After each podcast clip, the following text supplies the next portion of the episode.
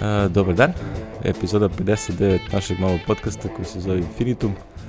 Evo, Đorđe nas ovde pita kako, kako se mi zovemo kada smo mi hostovi Infinitum. Jel, Miki, kako se mi zovemo? Šta, jedan drugog ili čime se zovemo? pa, znaš, ono, kad je neko član stranke, onda je ta stranka nešto, ono, ovci, tako nešto. A, ka, A kako, kako se, se mi... Da li smo mi infinitumci ili infinitumovci? Infinitumaši. e, dobro, ajde. to je treća varijanta. Enem, dragi naši, dobrodošli u epizodu 59. Ove, ova cela epizoda će imati temu uh, VVDC follow-up što smo snimali prošli put uh, jedan nepuni ceo ovaj dan nakon uh, ove kinuta, tako da nije bilo mnogo vremena da se, da se pokupi informacije, tako da sad svašta imamo komentara. Ove, mislim da se skupa jedno 30 tweetova kao, kao linkove. A, ali pre svega toga imamo dva, uh, kako se zove, imamo dva follow, uh, pisma slušalaca, jel? A, Đorđe iz Zaječara, to jest student na privremenom radu u, u ovaj, kako se zove, u Novom Sadu, ako se dobro razume, tako? Tako je, tako je, jeste? da. A mislim da je on nama već pisao ranije nešto. Da, jeste. Već smo mu nešto Đorđe, govorili. Đorđe i meni pisao, tako da znam, ovaj, ovaj, znam čoveka, jel? Virtualno. A, znači, prvo nas hvali da smo, da smo dobri i odslušao je ceo back, backlog naših epizoda, što je ovaj, impresivno. Hvala, Đorđe. Hvala. A, i pisao je meni, to sećam u vezi otvaranja Apple developer naloga, pošto a, ima tu problem a, kad odeš da otvoriš nalog i hoćeš da se prijaviš kao novi developer, Srbija nema u listi. Nema. Jel, smrdovi iz da. Apple. A, I to je zato što kad dođeš tamo i kažeš hoću nov nalog, pa ti on traži ovaj, da otvoriš zemlju i tu nema Srbije. Međutim, shortcut je odi prvo na Apple ID, pa tamo otvoriš nalog, tamo ima Srbije, a onda sa tim novim nalogom dođeš na dev program prijavu, na enrollment i onda kažeš hoću da koristim postojeći nalog i onda on preuzme državu odatle. I sve je happily ever after. Naravno, to ne rešava problem koji Đorđe imao, to je uh, generalno plaćanje naloga, pošto uh, regularno ovaj, uh, ignorišu Srbiju kao u listi zemalja za plaćanje, to sad ja skoro podržavao jedan od moja dva programa i imao sam isti problem. Znači, ono, pošaljem ja, Oni kažu bit će rešeno za dva dana, posle 10 dana niko mi se ne javlja, ja kažem uh, ono hitan onaj na, tamo na developer kontakt. Dobar dan, taj, taj slučaj. Mislim, već znam, to radim treću godinu za redom, uvijek isto. Znači, ono, kao, ništa se nije desilo, please, ono, advise, onda se javi, brat, istog jutra mi prođe uplata i javlja mi se neko iz Irske i kaže, Ove, pustili smo vašu uplatu koristeći Rumuniju kao zemlju, pa biste mogli to da koristite sledeći put ove, da, da bi prošla plata, jel? Ja ono kao svaki put pošaljem isti odgovor. Kažem, a, a, thank you for the workaround, ali mislim da je velika blamaža za vas da u 2017. niste u stanju da procesarete uplatu ako piše zemlja Srbija. svaki put isto. I to svaki godin šaljem i ovaj mi odgovora kao, I understand you completely, I have forwarded your feedback to the relevant bla bla bla. I, I svaki put isto. I svaki put isto. Znači, ono, uvek ista fora. Znači, ono, kao rekao, ja mislim da je potpuno besmisleno da ste vi jedini store gde ja plaćam, ono, kao online karticom, ne znam, koje kude u ne znam koliko zemalja i jedino kod vas ima taj problem. Da, da. I jedino od vas mi stiže invoice na International Water, sad sam opet to dobio. Međunarodne znači, vode. Stvarno, ono, blam. Pa jeste blam, je, stvarno ne znam. I, i potpuno mi je nejasno šta je to toliki problem da se to, ja, ko to treba da uradi, bi, koga treba da uvoti za gušu. Vole bih da saznamo jednom kad proradi majke mi, ali ovaj, ne, ne, da prvo, potpuno kad će da proradi, to je pitanje, znaš. Ali ni meni nije, nije da- jasno, znaš. Ponovo je bila ja, rasprava negde Twitteru, Facebooku, Darko Vidić ekipa, znaš, Darko zastupa stav da je Apple sam kriv, uh, i dalje s onim nerazumevanjem šta su to porezi i to kako ja to mogu, a oni naš ovaj, ali ovaj, sve u svemu ima i drugih koji kažu Ova nešto... sa naplatom, to je čisto Apple, pa, znači to nema, to je da. prosto ono, nešto tamo nisu podesali kako treba i ne radi im naplata, mislim, ali šta treba se desi da to neko uzme da pogleda, to mi nije jasno. A možda su znači, vezali u sve, jebi ga, znaš, ono, znajući Apple, oni su to vezali u sve i sad kao, jobro, ta sitnica kad im proradi App Store, onda će i ovo. App Store možda ne radi iz nekog petog razloga, mislim, ko, mislim, ko, ko zna, znaš, to je sad ono jebote, stvarno je ali ono, postaje vrlo problematično, jeli, ovih šest dana, jeli, sa two factor authentication i šta ćemo onda. Ja se sve nadam, ono, jesi ti stavio iOS 11 negde, ono, od nule? A, bl, bl, bl, nisi, nisi, nisi. Danas nema tu je, evo te možda... Nemam, nemam gde. Aha, nemaš naš. Pošto nemam, nemam više, ono, ja imam, imao sam testni telefon koji ovde više ne možeš instalirati. Da, da, stariji je mnogo. Sad da. nemam gde, a ovaj glavni neću, boga mi da stavljam beto ja. nikako. Ma koliko tempting bilo, a? Samim Ma ni lud, ni na jedan uređaj, ništa. Da, tako da ne znam, ovaj, sve u svemu, to je to. Je to. Sad kaže on, čuje, hoće vaše, pre, kako naplatiti rad u Srbiji? Misli verovatno iz inostranstva, a? u slučaju rada. Da, to klasično, nije, klasično pitanje sa porezima. Da, to nije problem, je, problem je u stvari, nije ni to problem, nego stvar je tvoje odluke, Đorđe, šta želiš, znači ako ćeš da radiš kao freelancer, to je onda ogroman problem. Mislim, nije problem da legnu pare i da ti kažeš da je to humanitarna pomoć ili nešto, ali o, otvaraš pot, potencijalni problem sebi u budućnosti, ili? Kad, kad država konačno se seti da, da, da, da vidi šta tu ima i da kaže, a, ti nisi platio porez pre pet godina i tako dalje i tako dalje, tako da ti je, ja mislim i dalje najjeftinije da se otvori agencija, jeli, Alek? Najjeftinije ja i najmanje, najmanje zezanja i tako dalje i tako dalje. Da, preduzetničku agenciju otvoriš, e, da, ono, ima, ima knjigovođa koji mogu da to za neke sitnije pare da ti vode ovaj, taj deo, čisto da, da se nejakaš sa papirima. A, pitanje je samo da li možda zaradiš više od 200 evra mesečno. Da, e, to, je. to, to je. to je. Da ti se isplati da to radiš. Znači, ovaj, ako to možeš da, da, da skupiš, to je okej. Okay. Jer kad radiš kao fizičko lice pa se praviš lud i ono kao stigle mi od tetke pare, ona tetka se zove... Tetka se zove um, trte, International Waters. I, da, pa, trte mrte PLC ili, ili ono Mirko Limited da, da, da. tako to je. znači nešto, nešto tu ovaj, a, će u nekom trutku da se, da se prođe unazad kroz te baze i onda će se ustanovi koliko tu ima tih parica koje su stigle ono, kod raznih firmi, a računaju se kao pomoć. Da, to su najavljivali već, znaš, to je ovaj, u, To je, to je pitanje manualnog rada u Poreskoj da. upravi, da oni mm. prvo automatizuju poslovanje kako valja i da onda krenu kroz arhivu i da unose sve redom unazad. I onda puste neki software i da vide da li to može da, da, da iščupa. Znaš, tako da mislim da je, ono, tu ima raznih lovačkih priča po, ovaj, po forumima da nađeš kao, ako je, ne znam, ispod 2000 evra, ne moraš da plaćaš porez i ostalo. I ja gledam kao, da li ste vi normalni? na dinar se plaća porez ako nije, ako je privredna aktivnost. Naravno. Mislim, tako da potpuno je besmisleno. Ima, ima mnogo ljudi koji ništa ne razumiju. Tih 200 evra što Alex spominje su ono, ono za pa, takozvani troškovi paušalaca, jeli, u tome ti uračuna to sve, znači, porezi, doprinosi. Porez. Ili ako radiš kao ja, radiš sa vođenjem knjiga, onda, a, onda ti su ti mesečni troškovi onako oko sebi odrediš platu, pa plus puta 1,7. Da, da, oko, oko 70% ti je ovaj... Jeste, je, znači još toliko je... idu ove razne, onaj PUPID. Da, ja sebi puštam, evo, na primjeru, ja sebi puštam platu 25.000, dinara, zvaničnu, jeli? Sto? Ovaj, a na to plaćam još nekih 15.400, 700, sve u svemu negde oko 41.000 mene košta, jeli, moja plata, s tim što ja dobijem 25.000. Eto, to ti je ovaj računica. 25.000 je trenutno, ja to puštam već par godina, i to je tada bilo prilično iznad, iznad minimalca, međutim, evo, toliko nam dobro ide da nam je neprijatno, ovaj, to je sad vrlo malo iznad minimalca, jeli? Da, da, da, mislim, ovaj, mora, jako tako da ću morati da, da menjam razlog što to nisam menjao i što sam stavio tako visoko. Otprilike mi je to neki iznos koji mi je bio pot, dovoljan da pokrijem one račune što ne mogu da ih platim sa firme, jeli? Ovaj, u ono vreme, jeli, dok se nisam snalazio, pa sad skoro sve plaćam sa firme, plus da malo ostane i ovaj, a da ne daš previše državi, jer 70% je stvarno ja mislim, bezobrazluk.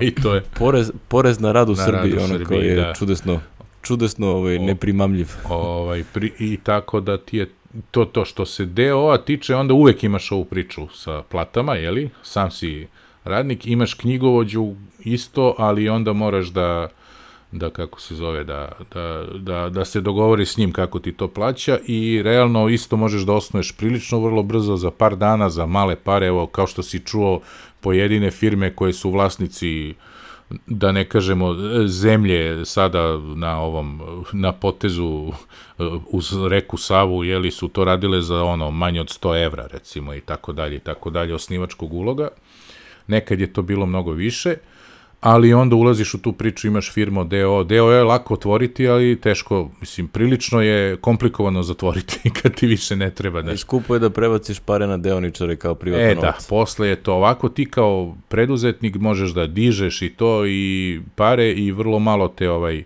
kontrolišu, a ovde moraš da se snalaziš kao ja, službeni putevi, e, plaćaš tako sve sa firme i tako, razno razne ove raznorazne trikove da bi ovaj da bi ovaj kako se zove došao do svojih para a da ne platiš previše.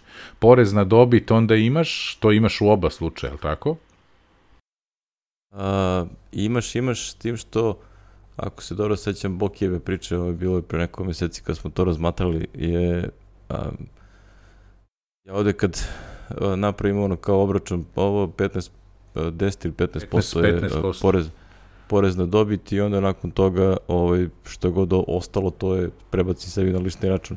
Ako DO, a to onda ide u Eko DO ide uh, dobit. Uh, znaš kako ide? Koja se Znaš kako ide? Ti to bolje znaš. uh, realno, ako hoćeš da digneš pare, 30% ti porez, samo da znaš. To kažem, prvo ide porez na dobit, pa neraspodeljena dobit, da. a onda još jedan porez ako hoćeš da ide na, na, da, na e, deoničar. Recimo, na primjeru, ja zaradim, ja imam profit ove godine 100.000 dinara.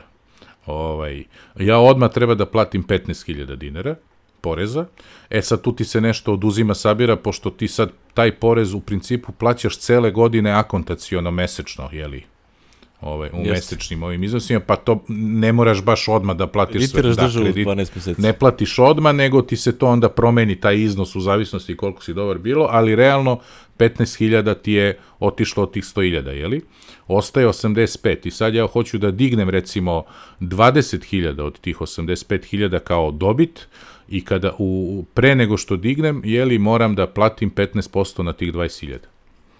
tako da ovaj tako da ako kad hoćeš da staviš pare u džep, ovaj računaj da je 30% porez, što i dalje jeftinije od ovaj od 70% na platu.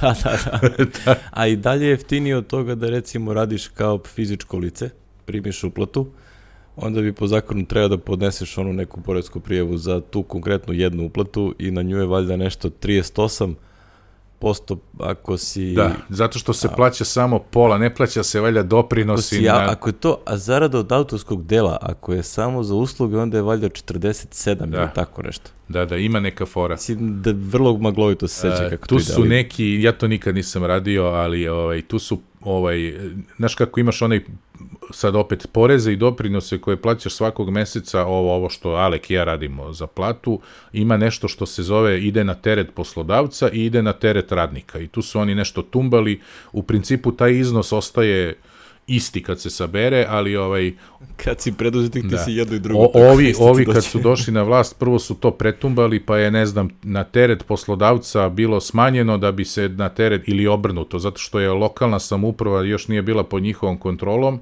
a recimo ono što ide na teret radnika se uplaćuje uh, u opštinu na kojoj živi radnik, je li? a ono što teret poslodavca, to ide valjda u, da li u republički ili u opštini da je firma ili nemam pojma. I onda su oni tu nešto tumba, tumbali, e, kad te ugovore o delu i to jedan od tih na, na, na, na teret poslodavca ili na teret radnika se ne plaća u principu. Neki od njih, ovo, ono, pa tako izađu ti čudni procenti, ovaj. No, kad uđeš u to, bit će ti sve jasno. Ima jedan lep sajt, ne znam da li je još živ, ja sam to svoje vremeno našao, koji ti obračunava, ono, uneseš koliko želiš neto platu da imaš i onda ti on sve izračuna, ono, ono, da vidiš koliko bi te koštalo ili uneseš koliko želiš bruto platu ili uneseš koliko želiš da te košta ukupno sve i tako dalje i onda sve vidiš kako se zove na, na tom na tom sajtu, probat ću da iskopam pa da ostavim link. To je manje više to šta ješ ima oko firme. Je. Ovaj, naplaćuješ, naravno... Na primjer, evo, sad sam, sad sam otvorio onaj sajt ft1p.rs i pr prvi post od pre dva dana je obračun plate bruto i neto. A, tako da, lična zarada, kako preduzetnik da isplaćuje sebi zaradu? Mislim, onako, Milan Trbović ovaj, radi sajt i ovaj, ima video snimke i objašnjava, znaš, on je vlasnik valja e, agencije, e, daj to da... moljac. FTP? FT broj 1P ft1p.rs. Znači, za Đorđa koji možda ne zna šta znači ft1p, to ti je ovaj, klasična šalterska zajebancija uh, fali ti jedan papir. e, ovo ćemo da stavimo u bookmarke. Ovo je add bookmark. Tako da ima, o, i, ima tu svašta da se vidi i da se pročita. ovo ću... A, kad smo već u ovoj temi, ono kao nekako ovaj, skliznu smo ovu priču, a, preporučujem i sajt Moja firma, ovaj, RS. To je Telen, radi ove nek, lokalna ekipica sa sponzoriše Telenor a, i super je sajt ono za, za ovakve stvari. A, prvo je inspirativan što se tiče ono kao raznih a, a, malih biznisa koje su ljudi pokretali u ovoj zemlji. A drugo što ima, možda postojiš pitanja, a, mislim da ima čak i pitanja advokatu i pita knjigovođi. I, i ono ima gomila resursa ono da, da čitaš, tako da ova dva sajta mislim da su jako, jako korisna za, za svako ko žele da se bavi preduzetničkim poslom.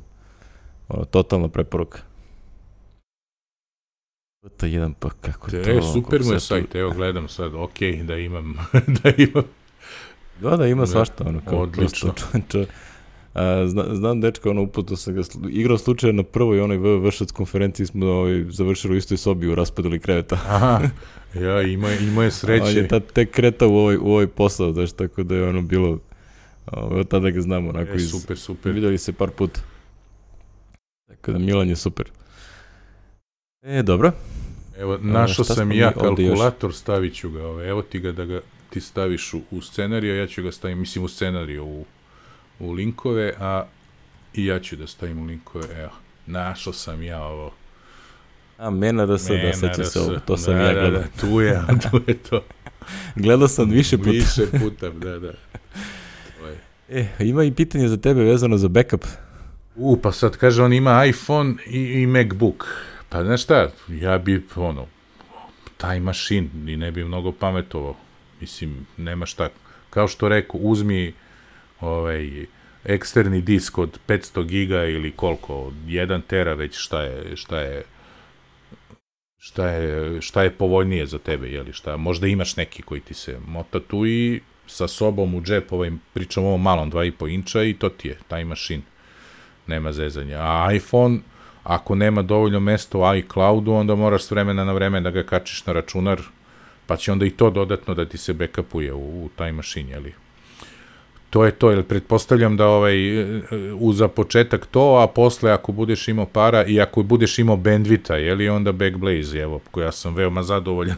Ovaj, Do sad mi nije trebao restore ni jednom, ali nekako mi uliva uliva sigurnost to što z- šta je tu? znam da je tu i da mogu da ga iz ve, sa weba mogu da skinem fajl ako mi treba, znaš, na neki drugi računar i to mi je ovaj to mi je kako se zove to su ti moji predlozi. Drugo ne znam šta, znaš, za to nema tu. Znači sad mi imamo Samo ti, sad, sad, je, sad zavisi koji MacBook, to je koliko ima prostora, Prostora, da, da. koji je disk na njemu, ali ajde da lupim recimo da je 256 giga. Znači ti sad možeš za pristojne pare, ono kao ne, ne pretarano skupe pare da kupiš, na primjer, terabajtni eksterni disk. Da, da, da, to je... Možeš da ga, is, da ga isparcelišeš, na primjer, ovako, znači, napraviš, ako ti je disk unutra u, u računaru 256, ti napraviš particiju 256, plus još jednu od recimo 400, pa ova 256 napraviš je da bude bukvalno klon, Klon, ovog da. računara. Da, da. Znači, ako ti crkne ono disk unutra, samo ga priključiš eksterni, digneš isti sa njega. Upravo I- I, nastaviš i da radiš dok ne zameniš SSD ili nešto. Jeste. A ovu 400 particiju onda staviš da ti bude taj mašin. Da bude tu inkrementalna i tako, da. Backup. da. I onda ti još ostaje koliko je 300-400 gigabajta za razne druge stvari, tipa ono, znaš, ono što meni često treba, to su svi ovi VVDC videos koje a, slačim sad, to ima nešto 350 gigabajta ko će to drži na disku. I onda sad dok, dok su mi aktualni, ja ih držim i gledam, ali onda ih posle arhiviram na neki eksterni disk i stoje tamo. Evo ja gledam sada, znači 1 tera 2,5 inča disk je 7780, znači oko 8000 dinara su ovi I to je super stvar, Transcend, prvo što mu ne treba eksterno punjenje, samo ga uključiš na računar i on, on ovaj radi. Mali je, treba. nosiš ga sa sobom, da ne pominjemo opet da nam ne štuca Milke, jeli? Ovaj, Zašto je važno da nosiš sa sobom? Evo, gledam, eksterni su 500 giga, idu od š- 5900 pa do 6900. Znači, zavisnosti, ne treba ti neki mnogo kvalitetan sad tu disk, oni ovde imaju svašta, ali mislim kvalitetan u smislu ne znam čega. Treba ti šok ne proof ti, i te te fore. fa, ti fazoni, znači, evo, HDD eksterni 2,5 inča, 1 mega Transcend, neki TS1, bla, bla, bla, 7800 dinara, 1 tera, znači milina, super je. To, Možda uzmeš recimo, pa onda posle možda uzmeš još jedan takav i napraviš klon celog tog eksternog i odnes, odneseš ga kod da. mame, tetke, Pa, da, brata, da. negde. I malo, I malo onda rotiraš te diskove, znaš, s vremena na vremena. I tako onda kao širiš i onda šta god da te zadesi, imat ćeš bar nekakav backup negde. Da nešto imaš barem dva, znaš, da imaš i to, to onda si mi Još rekao- jedna stvar, pošto čovjek je ono ko će bude developer, da se time bavi, onda obavezno otvori nalog na recimo Bitbucketu ili GitLabu. Na oba ta možeš da imaš neograničen broj privatnih repozitorijuma i onda dok radiš, bukvalno ono na svakih ono, ja imam, skoro sam napravio ovaj, maltene uslovni refleks, ja na desetak minuta radim ono push na, na Bitbucket. Bukvalno, ako mi nešto crkne u toku rada, ja sam izgubio maksimum 10-15 minuta. Znači, i onda uopšte ne razmišljam, tako da samo ono, gruvam i to je to. To je to. Nemamo neke druge, to je, znači, na, kakav Nema, god... to je to što smo Kakav imali. god, što je rekao još Jobs kad je vodio Time Machine, kakav god, samo da je automatski, jer ako nije automatski, to nije backup. znaš, to je nije Neće backup. niko da radi. znaš, to je ovaj... Me podsjeti, nisam skoro kačio ovaj disk uradim backup. E, ja moram ove, ova dva što ne nosim sa sobom, nešto mi stoji, ovaj jedan što stoji eksterni, gde punim sve, a koji mi je otišao na Backblaze ceo, znači tih 600 giga je otišlo gore, ovaj, e, skoro mi je javio kao, e, niste ga kačili 20 dana, Mora, moraš jedno mesečno da ti bude. Znaš, da to ti što bude. Jobs kaže, ako nije, automatski neće ti ne radiš. Pa dobro, ovaj nije, da kažem, nije toliko bitan, znaš, ali volim da imam to da ne skupljam ponovo, jeli, neke stvari, nešto što imam na eksternom disku, a nemam na ovom, znaš, i onda mi je jedini backup Backblaze u stvari, znaš, i tako. Ali nije loše da znam da ga imam i naš Backblaze ima tu foru, fajlovi se brišu posle 30 dana. Znaš, znači, fajl koji si obrisao s mašine i on ga obriše posle 30 dana, ne čuva ga za uvek, jeli, ali, ali to važi i za eksterne diskove, znači ako nisi kačio disk 30 dana, ovaj, on će da misli da si sve te fajlove obrisu. znaš, ta je fora. To je to, ne znam šta da ti kažemo, Đorđe, još. Nemamo više, što bi rekli. Pu- Puno želje, puno elana, pa... A da, Ovaj, samo napred, Da, ćemo, javljaj se, šta Da. si uradio. da se čuju još neke lepe vesti. javljaj se šta si uradio. I Imamo drugo pisamce od Miloša Damjanovića koji nam je, što spominjali Amazon Prime video prošli put ili preprošli kad Aha, da je dostupan iz Srbije, da je. Ovaj, I ima neka vest da to se regularno dostupno iz Srbije, prosto samo treba plaćaš. znači sa sajta itvesti.info ovaj, iz decembra 2016. Znači ima, mislim da je ta krenula ta fo- fora kad su ovi kupili onaj a, Grand Tour, onaj bivši Top Gear ekipa, pa su onda oni ovaj, to proširili na 200 zemalja u svetu, tako da, bože moj. Elem, hvala Miloše, imamo i to kao, ovaj, kao opciju, pa ko voli da gleda Amazon video, ima nešto zanimljivo, može da da koristi. Jej! e, vesti, breaking news od jutros. to jest, ja video jutros kad se probudio, ja kad se probudim, prvo uhvatim telefon dok se rastanim i onda protrčim kroz Twitter, da vidim šta sam propustio u mom development svetu preko bare. I onda šta ima da vidim? Chris Latner odlazi iz Tesla da. nepunih pet meseci nakon što je prešao iz Apple tamo, ovaj, poslo, jutro si objavio tweet, kaže, ispostavilo se da ovaj, Tesla ipak nije dobar fit za mene. I onda ono kao, ako neko ima posao, i Nek- ja sam zainteresovan. Da, da. Ali genijalno. Ali najbolje je sledeći tweet u kome piše kao, e da, imam i rezime, sedam godina iskustva sa Swiftom. to niko nema. Niko nema, da, da, da. Najbolji su tweetovi, stvarno. je. Ovaj, ovaj je rekao što je, dođi kod mene, razvijamo objektni kobol. da, da, da. To je, mislim, Hockenberry A, rekao. Kako sam se smeo kad sam vidio. Ali znači, pazi, bilo je i ozbiljnih predloga, kaže, e, ono, probaj da osnuješ firmu koja će se baviti Swiftom, ono, kako se ga, server side Swift. Na server, da. da. Ono, da, Swift server. da ima. Da. Naravno, odmah ga zvao ovaj iz Microsofta, ovaj što radi na Xamarinu, Miguel de Icaza. Ovaj, mislim, ima tu svašta, ono, kao radi će sad dobio razne ponude. Ali, mislim, super je, ovaj, Chris je potpuno lud. Ja naravno zovu ga pol ovih iz Apple, ono kao, please come back. A, što ne bi bilo iznenađenje da se vrati, ono sad pitanje samo gde i kako ovaj, da, da se vrati, ali ovaj, bit će zanimljivo vidjeti u stvari šta se dešavalo, ovaj, da li će nekad izađe šta, šta je u stvari da imamo, da vrlo može se desiti da prosto nije ono, kao lik se ne uklapa u to kako Tesla funkcioniše, to nije ništa neobično da. da uđeš u neku firmu i da prosto ne snađeš se, ono, ne, ne odgovara ti atmosfera, način rada i tako dalje.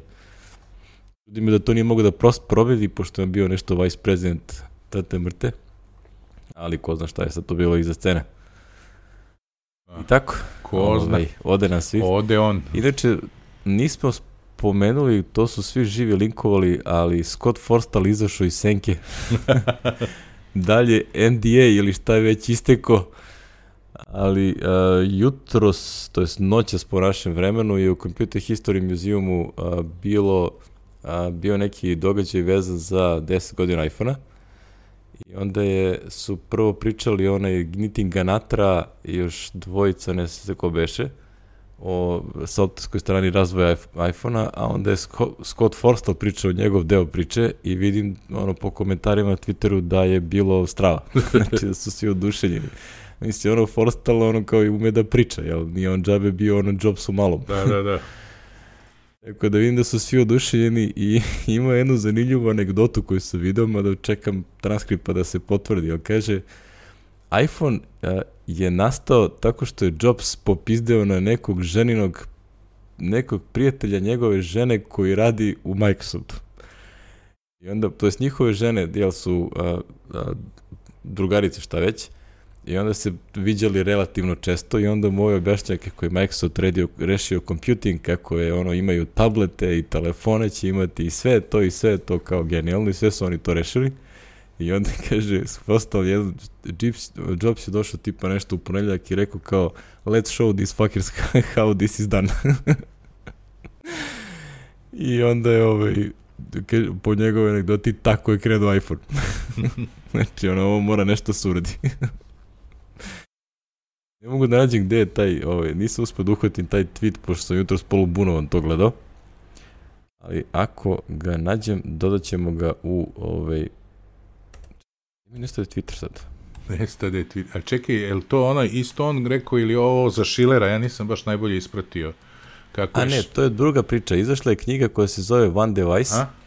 u kojoj ima drugih intervjua sa ljudima i developerima i što hardware, što software koji su radili na iPhoneu i ima neki quote koji je ono naveden kao quote od uh, par ljudi da je Schiller ono kao otprilike ko simpleton, znaš sve mora da mu objašnjavaš ko maloj deci.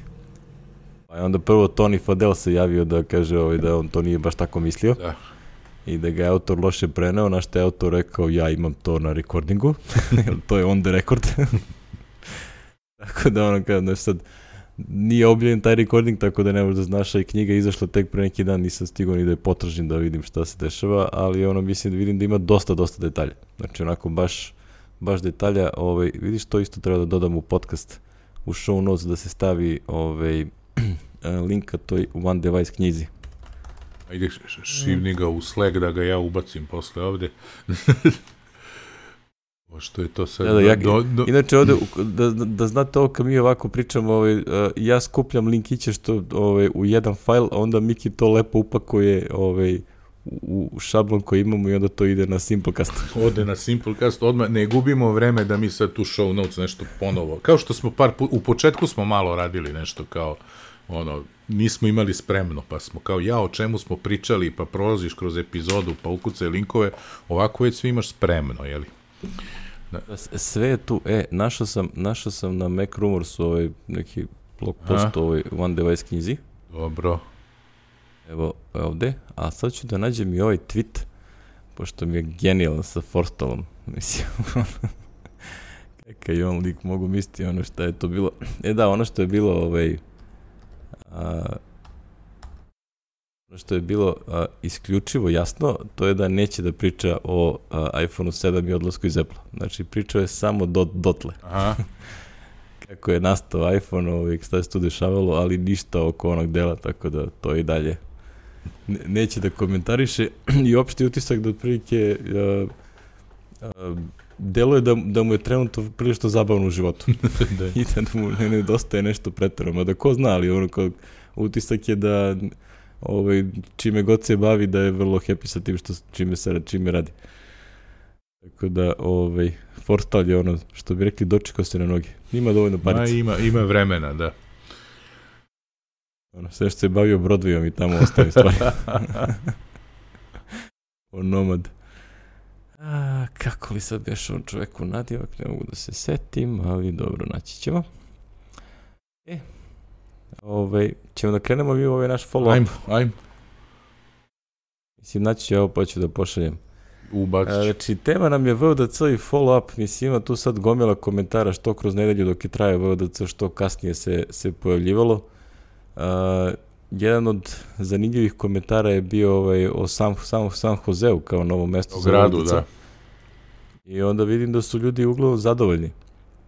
Ono što Apple tamo uradio je da su praktično taj, uh, da nije on, mislim da li je to rekao Marko ili neko drugi, nekom drugom podcastu je, ili Manton Ris na onom Core Intuition. Uh, ideja otprilike ti kad dođeš na, uh, na VVDC u San Francisco, to se ja imam isto tako utisak, znači ti si na VVDC unutar Muskonija. Čim izađeš napolje, to je grad veliki koji ima svoj život i ono kao otprilike više ne postoji VVDC. Znači ono, ti čim si izašao ovaj, odatle, to je ono, ko da, nisi, ko da VVDC se ne dešava. Znači, ono, možda nađeš ti sad one neke kafiće u okolini i one barove gde se, gde se skuplja ekipa, pa onda čuješ to je neki vibe oko konferencije, ali realno ti si van konferencije čim izađeš iz Muskonija. Dok je ovde izgleda bio drugačiji slučaj, su oni stavili neki na nekom tom trgu ispred ovoga su praktično stavili kao open bar, znači ono kao neki open community centar gde su ljudi mogli da sede i onda, i onda je delovalo kao da je ceo grad u stvari se vrti oko VVDC kada si developer. Drugo što je to onaj grad sa širim ulicama onako razuđeniji i onda a, ljudi na ulicama su dominantno bili u onim jaknama koje su ovi delili. Što, tak, takav sam utisak stekao iz ovih uh, raznih tweetova i, i komentara. A, mislim da i Dalrymple ovaj, dosta dao lepe komentare na, na VVDC. Uh, ko šta sam još čuo? Slušao ovaj poslednji ATP? A, e, nisam poslednji, nisam. Evo mi ga u ja, evo pričali su o hrani. o hrani na VVDC-u. da, da, na la, ono, lunch paket i ostalo, znači, ono, risira kuzovih i opro, znači, katastrofa ali bilo je super. Ono. A, e, bilo je fora, rekao je Marko, ono kao recimo ono što se a, pošto on nije imao kartu, i onda je uglavnom sede u nekom lokalnom kafeu koji ima dobru kafu, i sad kaže, za razliku od VVDC, od, od San Francisco, gde a, ti moraš da se dogovoriš sa ljudima gde ćete biti, pa da bi se sreli, kaže, ovde je čitao ih, ono, svaki, svaki svih pet dana, ono, dok je bio tamo, on je sretao ljude tako što slučajno donati na njih jer su se svi vrteli u tom nekom malom krugu a, oko convention centra i, i ovog a, i tog nekog open parka, znaš, i onda su svi tu neko bili, onda kao otprilike kaže on krene da izlazi sretne nekog i vrati se unutra. I onda ga je zezao Casey List da je ono kao otprilike Marko je držao banku u, u social, ne znam kako se zove, kafić i svi su tu svraćali. I kaže njemu, kao kaže Marko, ovo je bilo najbolji VVDC ikada.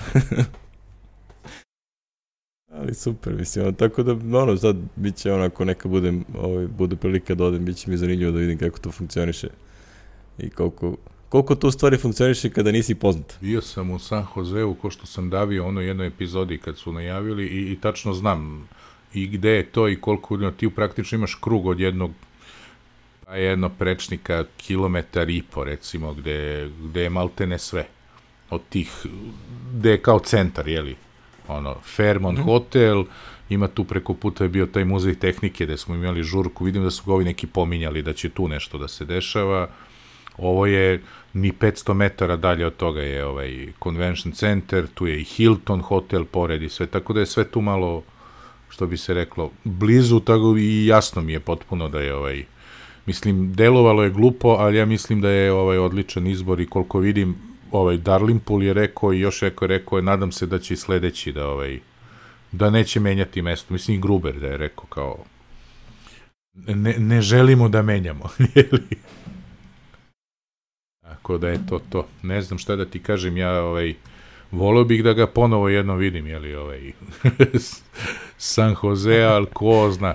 Pazi, 4D je sad preselio se, znači oni su bili na nekoj, aj neću kažem periferiji, ali voziš se dobrih 10-15 minuta kolima od hotela su nas vozili. Kao bilo je ono, e, ko nije video firmu, kao od vas nikad nije bio, mi kao ajde idemo, znaš. I to je bilo ono celo jedno prepodne, znači dok odeš, dok smo bili tamo, popričali s onim ženama što su u firmi radile, što se nisu pojavljivale u hotelu i tako i uratili, prođe celo prepodne.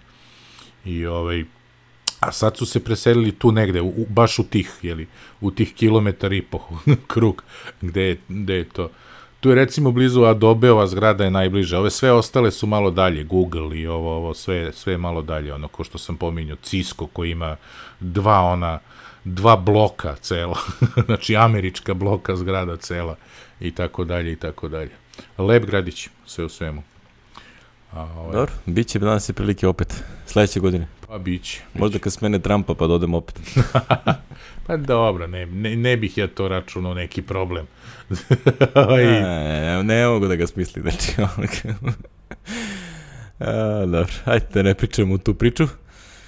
A, šta sam da, sledeći link sam stavio sa Ray Vendelik sajta uh, Developer Impressions uh, sa, sa VDC i očekivano su ovaj, dobri. Imam i nekoliko linkova sam stavio raznih nekih developera koje pratim koji su vrlo da kažem, entuzijastički orijentisani nakon ovog VVDC, jer je Apple otprilike izbacio ono što smo mi se to rekli prošli put, znači ono kao, i to ste tražili, eve, i to hoćete, eve. Eve vam ga. sve ima. sve će da se nađe. Sve može, sve otvoreno, vidim, vidio sam da je onaj Steven onaj Stroto Smith, onaj što stalno hakuje one beta verzije da vidi šta tu se iska, iskače ovaj, od, od iPada, ovih uh, frameworka je imao jedan tweet koji nisam uspio da nađem uđe vremenu, ali kaže da a, gomila IP-a koji su ranije bili private su sad postali public. Aha, mnogi Onako, API, vrlo da. interesantno. Da. da, izgleda da su ono sazreli i da su ih ovi posto prebacali u public status i sad mogu da se koriste.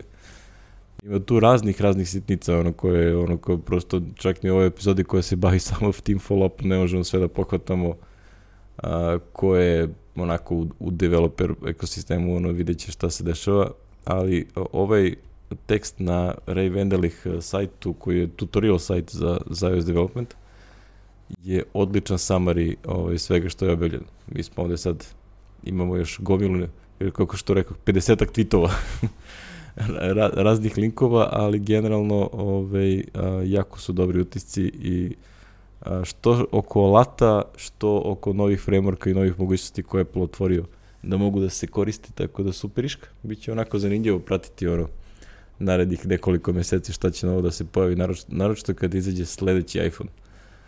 Da će ovo da, da bude ovaj, verovatno fokus na ovim novim stvarima koje su sada rađene na ARKit i na machine learning i te, i te priče. E, dobro, ti si stavio linkić na iMac Pro. Da, da. Sa, sa, sa, sa Apple Insidera, a ja sam dodao sa PC Gamera, mada se oni preklapaju u nekom domenu. A to je činjenica da ono kad su, to se vidio i po srpskom Twitteru, jel te, gde bi video, ono kao, aha, 5000 dolara početna cena, ovi nisu normalni. kao da li su oni normalni? A onda kad pogledaš šta se nalazi da. unutra, to je, to je ta cena, jel? Kao i obično, jel, znaš. Kao i obično kada Apple nešto novo izbaci, pa ja sam davno pričao, ja sad glupo je pričamo o time capsulu i routerima, ovaj, ali sećaš se te priče, znači kad se pojavio, prvo Apple je bio prvi ko je u laptop stavio Wi-Fi karticu i svi se sećamo da je to bila revolucija i, i tad su svi jao skupo, znaš, pljuvali, a ovaj, uvek je bilo to, znaš, on izbaci ruter koji je 200 i kusur evra i on, dokle god postoji i prodaje se, taj ruter košta 200 i nešto evra, ovi ostali e, nemaju odgovor prvih, ranije je bilo malo duže, sad je to par meseci, jeli?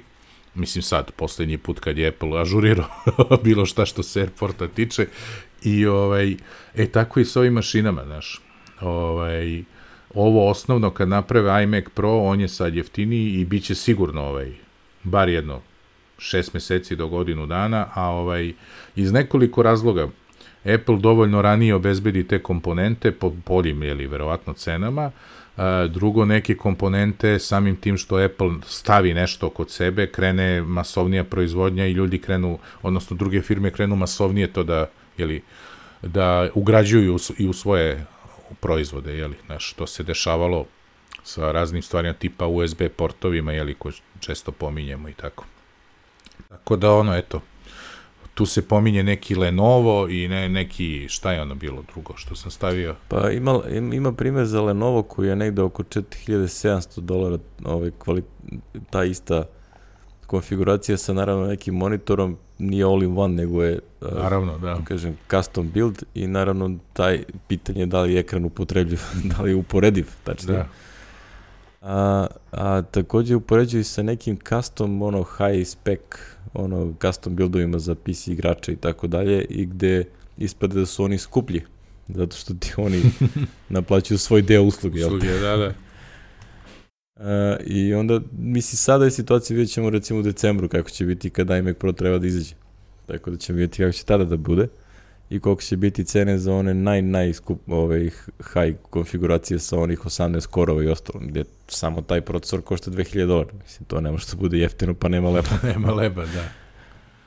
Mislim, ono, pa onda ploča za to čudo, pa ove, magistrale i tako dalje, kartice koje idu i td. Znači, to će prosto biti ono, mašina za, mašina snova, ali ove, ko, ko, ko će imati razloga da je kupuje, to će, to će biti. Mislim da su i ovi rekli iz, na, bio onaj, na VDC su bili Federigi i Schiller opet kod Gurbera i onda je, su spomenuli nešto iMac Pro i onda je Schiller rekao kao mi pretpostavljamo da će biti dovoljno customera za takvu mašinu, sad ono kao vidjet ćemo kada krene prodaje. Vidjet ćemo, da. Ovaj, mi ćemo imati informaciju valjda od, od popa, je, da saznaćemo kako ide. Ovaj, ali realno, znaš, to ti one mašine, to ima kod Leo Laporta se onaj Alex, Alex Lindsay pojavljuje, znači ti kupiš tu mašinu za određeni posao, znaš, od, tipa u videu i ovo. Nešto da kupiš da ima računar u kući, da, mislim, da, da. to definitivno nije za to. Znaš, tako da ja cenim da ono, jeste kriza, jeste sve, ali realno, performansi i sve, ako se to pokaže kao dobro, to je odličan monitor, odlično sve za, za video, jeli, upotrebu, za montažu, da kažemo, i za razno razne upotrebe i dovoljno jaka, ovaj, ja cenim da će to čak i kod nas da se, znači svi oni što su kupovali Mac Pro, a Pop je ispao ono, maltene diler koji je prodao najviše ovih trash kenova u, u Evropi, je verovao ili ne, ovaj, svi se čude wow. kako, ovaj, tako da ono, pretpostavljam da je, nešto, hoću kažem, uh, ako iko bude kupovo, to je ta popova, jeli, odnosno macolina klijentela, jeli, to, ovaj, oni, oni to na, najbolje obožavaju ovaj, tu vrstu ono, mašina. Ono rekao, vole bi da se bavim vrstom posla gde mi to treba. Da, da znaš, da znaš. Bilo bi super. Za nas ostale o, o, ostaje da čekamo sledeću godinu i da vidimo kakav će to Mac Pro da bude, jeli? Ove. Pa mislim, ovo kakvo je ovo zver, ja ne znam šta će Mac Pro da bude. Mislim, ja stvarno ne, ne, ne znam ono. Iskreno, stvarno, ja, ja nisam očekivao da će ovde da ubace ove, ove, ove naj, najjače procesore. Pa ni ja, znači, ovo, pazi, 18 korova. I ovo je najjači hardware koji ti možeš tu da ubaciš. Znači, jedino što ovde ne možeš da ubaciš su one Nvidia Titan kartice, da, pošto ih ovih da. nis, ali sve ovo ostalo je potpuno nenormalno, mislim. Da. Da, dobro. Vidjet ćemo, vidjet ćemo, vidjet ćemo. Ja i dalje tvrdim, ako ste zaboravili, da će Mac Pro da bude ono, u dijapazonu. Kao što sad imamo iMac, jeli? E, znaš, imamo iMac i iMac Pro, da ćemo imati neki Mac Pro koji će da bude ono, da pokriva i ono što je mini pokrivao do, do najskupljeg sa 48 korova ili već, kako se, 36 korova ili već koliko će da bude, jeli? Mac Pro, ali ja mislim da će se Mac, tu nešto Mac raditi. Mac mini sa 12 korova. A nešto bit će ono recimo, ja mislim da će ono i dalje tvrdim, ne znam, znaš, ali ja ovaj, što se kaže, nadam se i navijam da to bude jedno kućište u kojoj ćemo imati modele sa i7 i ovim takozvanim konzumer procesorima, a u isto vreme i sa ovim kako se zove, sa sa Xeonima. Xeonima. Da. Xeon, Xeon. Xeon, Xeon. Uh, e, hardware koji je mnogo nam dostupniji, Aha. se zove iPad. iPad. To jest iPad Pro. Da, da. I pre svega ima jedna lepa polugačka priča na BuzzFeedu, John Packovski uh, je napisao Second Coming of iPad. I tu se provlači manje više isti komentari koji mogu da se vide i a, na ostalim reviewovima kad, su, kad je prošao embargo na reviewove. Ovo je čudesna mašina, ali ovo ne vredi sad reviewovati dok ne izađe iOS 11. iOS 11, da. da. Jer je to mašina koja je pravljena za iOS da. 11. Kao što je, je ono... R2 pravljen bio u stvari za ono iOS 10 ili 9 je kako 9 za 9. 9. E, tako je. Za 9. Da. A pojavio se pre. real, realno je ono, prosto svi, svi ovaj kažu, ono, evo ga Vitić tamo pokušava da instalira iOS 11 po treći put na svoj iPad, što mu se skucao.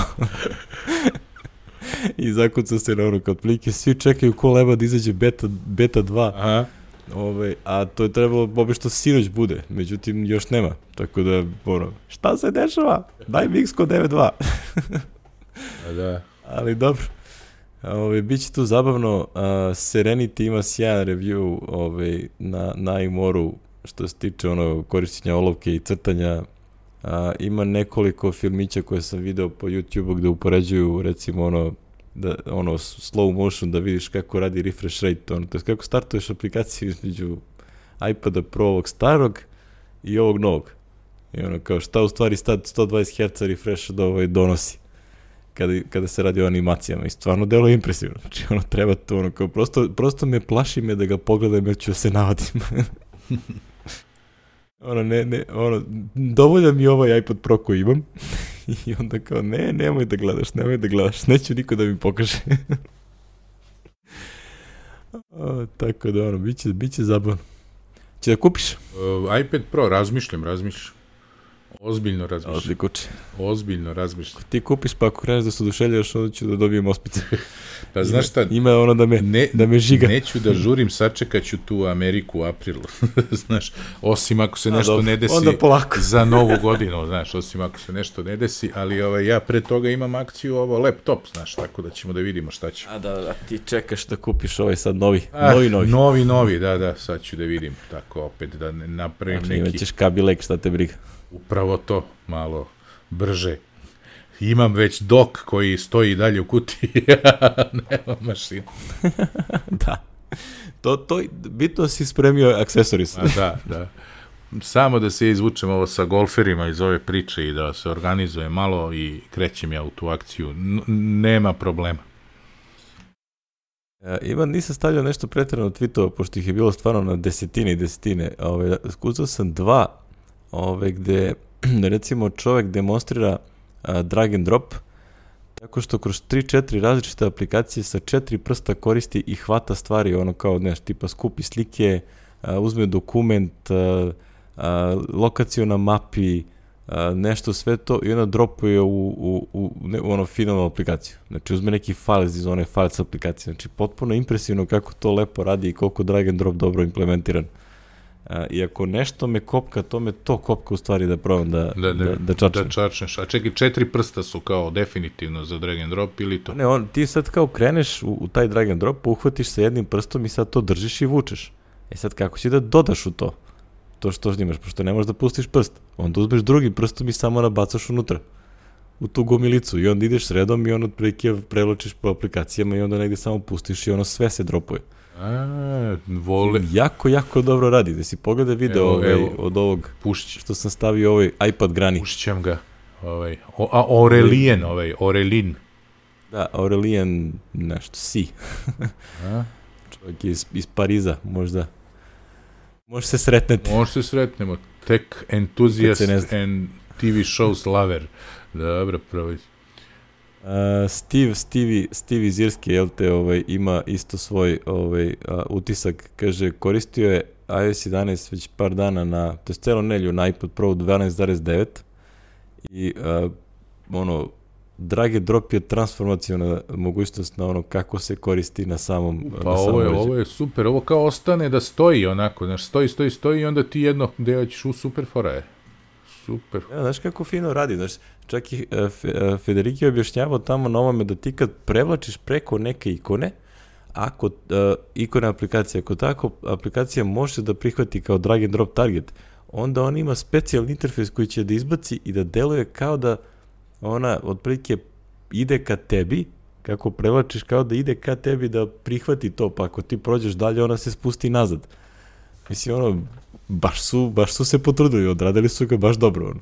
Ja ne znam koliko je trajao razvoj ovog fičura, ali ne bih si znao da je to potrebalo jedno par godina A, dok, dok nisu su sve napravili. da, kako treba i dok su ih shvatili, Kako da ovo dobro radi. stavili procesor koji sve to može da gura, nego gledam prvi komentar na ovom Orelinov je Neic Žorga Dolmin, naš kolega iz bitnih pogovora, koga sam upoznao u Ljubljani.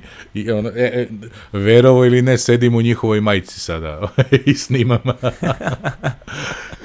E, pozdrav za koleze. Pozdrav, ako sluša koleza, ne znam da li nas slušaju. Ja njih slušam, ali ne znam da li oni, ovaj, da li oni nas slušaju. Ko zna, možda krenu. Možda, nikad se ne zna. Da, da. Tako da to je to, neće nešto mnogo da tu, ovaj, ono, očigledno sačekaj moja iOS 11, pa ti da nabaviš iPad Pro, pa onda možemo da imamo neke konkretne utiske. E, za sad, koliko vidim, svi utisci su što hardwareu, što softwareu, da su jako, jako dobri. Znači, pogotovo hardwareu, znači, ono, ono, znaš da je Microsoft, recimo, kad ti izašao ovaj poslednji Surface, Surface da su oni uh, se uh, ovaj, baš naglašavali da ima 21 milisekund ovaj, latency Latency, da, da. Za ekran, a ovaj iPad Pro ima 20. A, čudo, za, ono, za jedan. čudo, čudo, čudo. Tako da, super, baš lepo. A, sledeći je nešto što će tebe da više kopka. Meni iz Sirakuzu. APFS. Meni iz Sirakuzu. Ti si Mac čovek, Evo, Mac administracija i Biće default u macOS High Sierra. Ja sam pročito, čini mi se da sam negde pročito da će kao na iOS-u automatski da konvertuje particiju. Jel sam u pravu ili, ili sam ja to loše ukapirao? Na iOS ili na macOS? E, na iOS-u konvertuje, a na macOS-u sam, čini mi se, da, imaš, imaš automatsku konverziju pri instalaciji. to, to.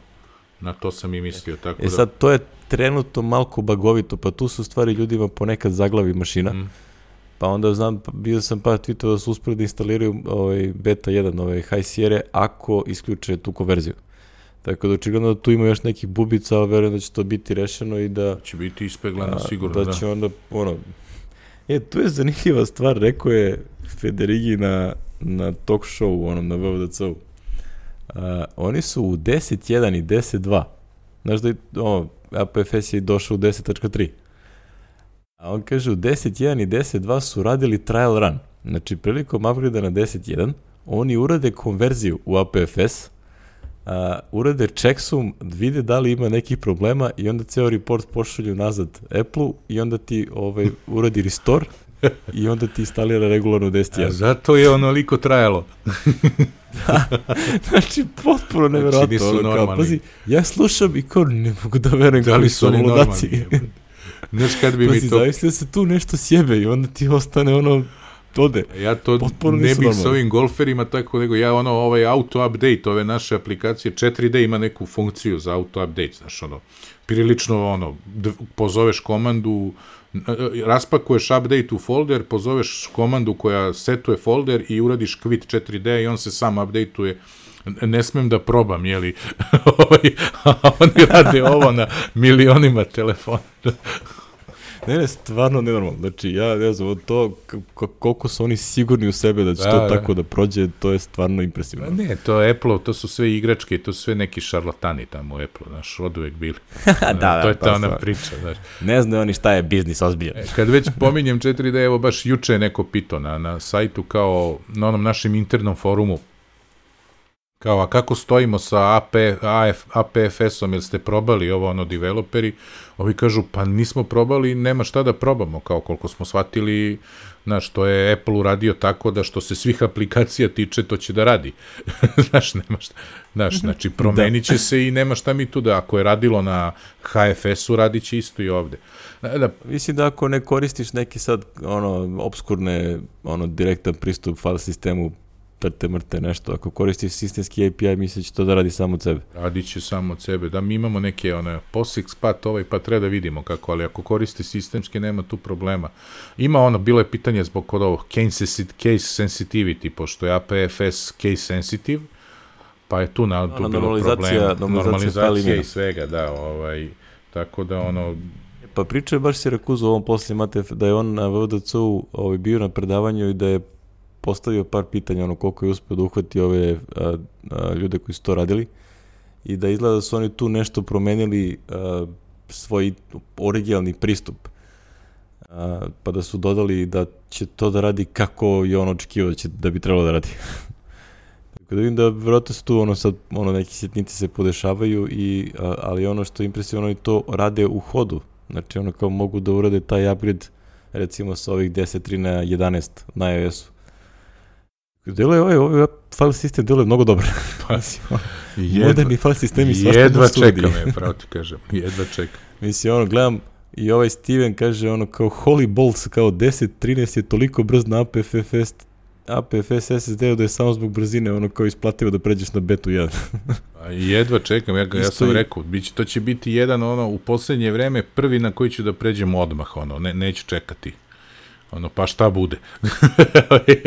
Ja ću isto, šta ću, moram šta taki bude, posao. da. Ove, što kažemo... Isto recimo Sean Heber, iz, on je glavni developer Twitterifika za Mac u mm. Ico Factory. Uh, kaže, first impressions on APFS are impossibly, MPFS is impossibly fast and I can feel the difference even on SSD. Da. To je... Da, da, ono, osetiti nač, razliku na SSD-u je ovaj, značajno. To stvarno moram da vidim.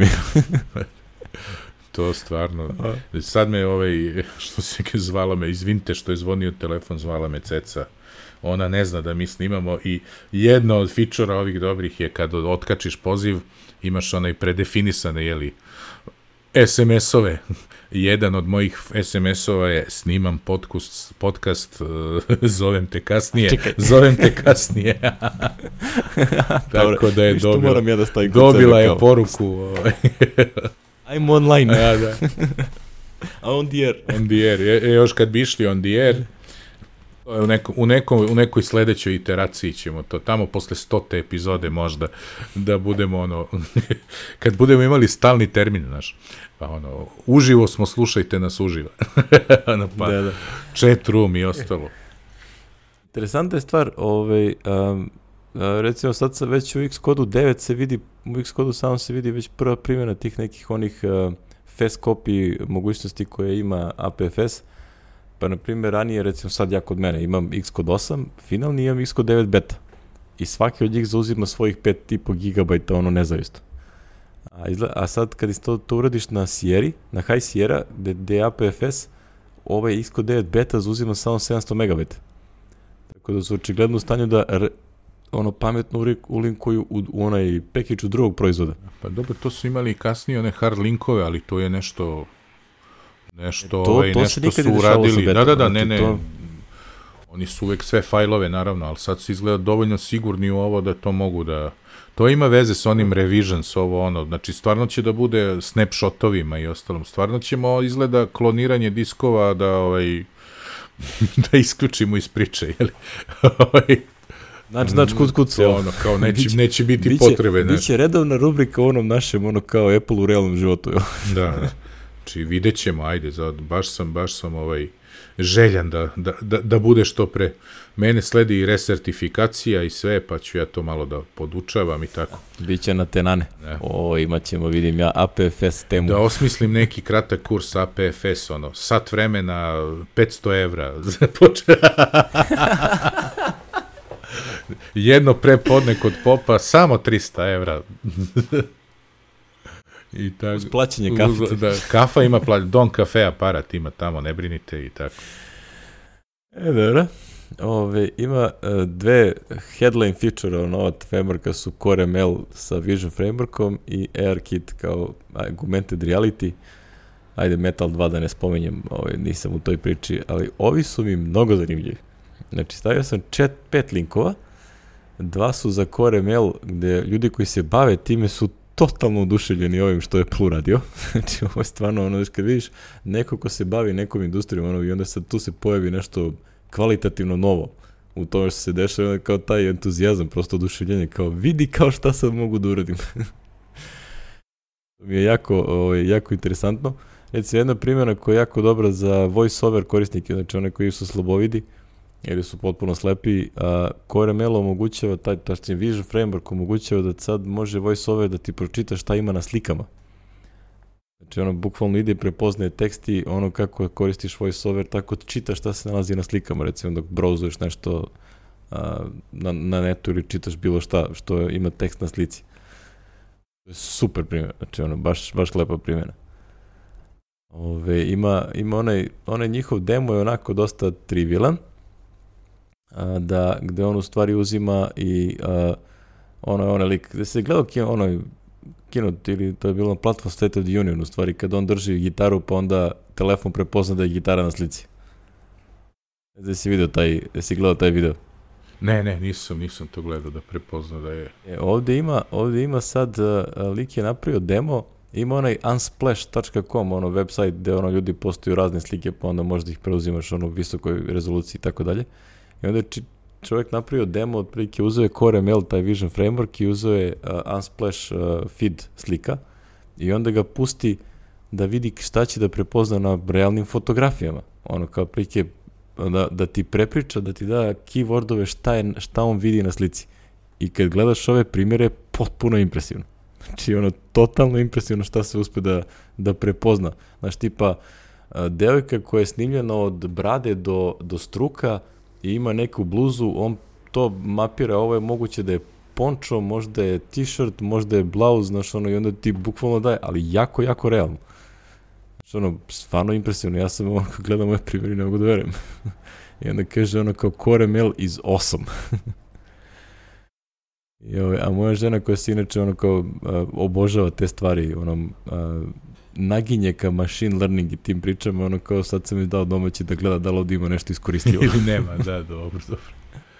Ono kao, i onda sad gleda kao, i onda sam dao neki link i onda kaže, ovo je fenomenalno, Mora, šta je ovde treba da čitam da ovo znam? I onda kao, e, dobre, dobre. Šta je treba da čitam da naučim, a? Da, ovo po ovo delu je totalno fenomenalno. A za ovaj AR kit, mislim, ovo je potpuno, potpuni mednes. Ja ne znam, ono kao već vidio onu vest da će Ikea da napravi aplikaciju da, da, već da. septembar. Da. Da ono, ti snimiš sobu i ubacuješ njihov nameštaj i praviš raspored. Gde šta ide. Da, da, to će povećati prodaju sigurno. A mi smo do, mi Sigurno dobijamo Ikeu, jeli, ovaj, mislim da se otvara, ne znam, za mesec, dva, koliko? Ne znam kad će ići, valjda uskoro će biti, ono, mi se tamo završili one radove na prilaznom putu Ovi, bili su pri kraju pre dva meseca kad sam prošao. A, ima, ima a, čekaj, kako se zove, Twitter nalog koji se zove Made with AR Kit. A, I preporučujem koga zanima augmented reality da, da pošto da prati ovaj a, nalog a, zato što a, skupljaju razne te primere što su ljudi već eksperimentišu sa AR kitom i vrlo je impresivno šta tu može da se vidi. Znači, ono, ova fora, znaš ono što su demonstrirali ono gde igraš igricu na stolu, pa se oni likovi kreću, jer i sad čovjek uzeo i napravio to, igra one potapanje brodova na, u, na podu svoje sobe. Mm. Mislim da, da će da, ono, to će da brodići bude... dobiti potpuno novu dimenziju. Novu dimenziju, da, da, da, bit će super. Da, da. Znaš, ono, bukvalno to što ono kao delo je voda i kao ceo patos je voda, oni tu nešto idu, šetaju se, ali je, ovaj, a, kako se zove, a, ono kad pogledaš kad malo podigne iPad, ovaj, tačno provališ da to u stvari soba. Ima krevet, stolice i tako dalje. Baš je onako, baš ono, fantastično kako precizno to, koliko to realno deluje, znači kako precizno trekuje gde se nalaziš i onda ti okreće perspektivu a, svetla, znači stvarno, stvarno nevratno. Znači ja ono gledam i ono, čoveče, nemam, ne znam šta bi s tim radio, ali hoću da se igram. to je ono kad znaš da je ono kao firma napravila ovaj dobar framework, da je prilike, ja nemam vremena time da se bavim, ali bih ono, čačka me da čitam i da bar nešto probam. Mislim, pošto je fenomenalno zabavno. A, super. Tačno, da ono, znaš, ne znam jesi ti imao nešto prilike da to gledaš ili si Nis. dalje u totalno u golferskom fazonu. U golferskom sam i dalje, ne toliko, ali me ali stiglo sve... Kit, snimiš, pazi, snimiš ono u golf aplikaciji, znači snimiš teren i onda vizualizuješ kako, kako ono treba da se idealno da, se da prođe, se da, da, ide, da, da, da, ideja za aplikaciju, vidiš ti, to je, to je sledeći, da, sledeći faktor, svašta. da znaš. Evo ovako, treba uzmeš ovu, pa onda ga upališ u ovom pravcu da bi otišlo tamo i tako dalje. Pazi, to će već neko da uradi, ja verujem, cenim. Vrlo brzo, znaš, mislim da to... Uopšte ne sumnjam. Znaš, pošto je tržište, jeli je uh, to golf prilično platežno, jeli. Ovaj, da, kažem, da kažemo tako, ovaj... Znaš, to je sve moguće. Pazi, 50 evri će ti, ako nisi član kluba, hoćeš da odigraš 50 evra. Plus da iznajmiš kolica, pošto da iznajmiš opremu ako nisi doneo svoju i tako kolica najmiš, niko ne tegli kolica, ja mislim, znaš, e. ovo, mislim, i tako dalje. Ovi koji su članovi re, ruku, rentaju, rentaju tu prostor, znaš, pa imaju svoju opremu, a ti ono, znači, sve u svemu jedno odigravanje 70-80 evra, pa ti vidi, je, da prođeš. Mm, nice. u Beogradu. A ovaj Fino da se učipiš. Pazi, inače ti kažem, e, glavni gazda ovog beogradske cele priče je ovaj jedan vrlo bogat čovek koji nekad imao veze sa SBB-om, ovaj, da ne kažem, je, je kupio teren na Bledu. Znaš, nice. uh, i digo je odigravanje recimo sa 50 evra na 150. a, a taj teren ima, znaš da imaš terene sa više od 18 rupa, znaš da tu foru? Ja, prvi. I igraš 18, ali imaš recimo u Austriji ima jedan teren koji ima 54 Znači ima 3 puta 18. Imaš u stvari uh, i onda ti igraš, e, hoću ovih 18 ili ovih, ili obično podele na po 9, znaš, recimo ima 36 rupa, znaš, i onda imaš na četiri strane po 9 i ti kažeš igraću ovi 9 i ovih 9, pa ti je to jedan teren kao, znaš, i tako, imaš i te ove, i te akcije, znaš, e, taj na bledu ima valjda, uh, ako sam dobro shvatio, ima 27 rupa, znaš, ovaj, Tako da, ono, eto, to ti je... Gore od kriketa, ono, ima, kako se dogovoriš tog dana, tako ćemo da igramo. I, i, I meč traje četiri dana, je. Te, znaš ti kad sam bio klinac u, u Singapuru je, i ono, čekamo nešto da dođu Kjeva i Ćale, otišli negde pa da idemo u turističke pospazi 81. I, ovaj, I ja gledam TV, ono, kečere prvi put vidim. Nešto da rekao šta je ovo ludilo. A onda ovaj kriket meč, rekao u vidi kriket igraju lupam Indija, Engleska. Sutra dan u isto vreme Indija, Engleska. Rekao šta je bravo? Prek sutra Indija, Engleska. Što vi svaki dan igraju utakmicu? Ne, to je ta ista utakmica, možda traje od 3 do 6 dana. Je. Lud sport. Kakav sport je. A pazi, pritom je to bio neki turnir, evo te, pa šta, ono, tromeč, znaš, i Indija, Pakistan, Engleska, evo te, tra, igraju mesec dana, evo. Strašno. Ali da, šta ima raznih sportova. Ima, ima. Tako da ti je... E, dobro. Moram da izrazim svoje oduševljenje, ovde sam stavio link od, na, ka tweetu koji je napisao Tony Arnold ali ovaj, potpuno se slažem s time što je čovjek napisao. Znači, Xcode 9 je takav kvalitativni skok u developmentu u odnosu na ove prethodne verzije da je to potpuno nevjerojatno. Znači, ja mislim da je na nivou onog prelaska sa 3 na 4, Aha. kad su objedinili sve u jedan alat. Znači, nevjerovatno koliko je uh, source editor napisan od nule u Swiftu. Znači, radi, radi jako dobro, ima bubica za betu 1, ali su zanemarljivi odnosno mm. na to mhm. koliko radi uh, s, onaj refactoring sa, sa renameovanjem and replace znači radi jako, jako dobro. Znači super funkcioniše, interfejs je prelep, znači ono, ti kad renameuješ nešto kroz više fajlova, pa kako ti on vrapuje sve, prikaže šta će da uradi, znači stvarno impresivno. Uh, wireless debugging, ono, više ti ne treba kabel da bi razvijao na, na telefonu. Mm A, vidim da neko je spomenuo wireless deployment, znači možeš preko air, ovog air, airdropa da uzmeš IPA file i ako je potpisan s developmentom za taj telefon, a, sa development certifikatom koji uključuje taj telefon, ti možeš samo da ga pošleš preko da, a, airdropa i on će se instalirati na, na telefon. Na telefon, da. Či, znači, ono, maltene sve one neke uh, žalopojke, problemi, sve što, što su ljudi kukali deceniju, ono, deceniju, jel? Pa praktično deceniju nazad na, na, na iOS development, skoro sve su skinuli, jedno je ostalo što i dalje treba ovih sertifikati, provisioning profili i te priče. Ali ovo sve ostalo što je čisti tehničkog dela priče, to je stvarno fantastično upređenje. Znači, do, do mere da ja svoj development radim u beta 1 Xcode 9. znači, nekako Prešao si da odmah, release, da. vrati su Xcode 8 da uradim release, pošto još uvek ne možeš da šalješ. Da, da, da. Stvarno je fenomenal. Znači, totalno sam odušenjen. I onda, ove, mislim da će ono, produktivnost, pogotovo za ljude koji se bave Swiftom, znači da skoči drastično, jer više ne moraš da čekaš na kompiliranje je primetno ubrzano, mada će to tek da se ubrzava, ja mislim, tek sa Swiftom 5 kako treba. Ali, ovaj, stvarno, ono, prosto nema loših tačaka u ovome što su uradili. Mm. Znači, nema ništa što kažeš kao, e, ovo su mogli drugačije. Mislim, ono, prosto sve je sjajno. Znači sve u svemu, kad predlažeš kad se oslobodim ove gužve tamo na jesen od golfera da, da, da se priključim. Konačno Ne, ne, je vreme. Isko 9, Ove godine je taj, ta Znači, godina. Ja mislim, ako nekad ćeš da biraš, nema boljeg momenta od ovoga. znači, da, ono, znaš, i ovo ranije isto, ono, sve to, znaš, svaki put imaš neko napređenje, znaš, recimo, iskod osmici, sedmici je bilo ono, rad sa interface builderom i sa auto layoutom, u osmici su to još dodatno poboljšali sa size klasama i mislim, znaš, prosto uvijek ima nešto, ali ovde je kompletan paket, sve je ono potpuno novo, znaš. Ono što je zanimljivo, a, a, jedan deo ovog source editora je u stvari an upgrade onoga što su radili za Playground za iPad.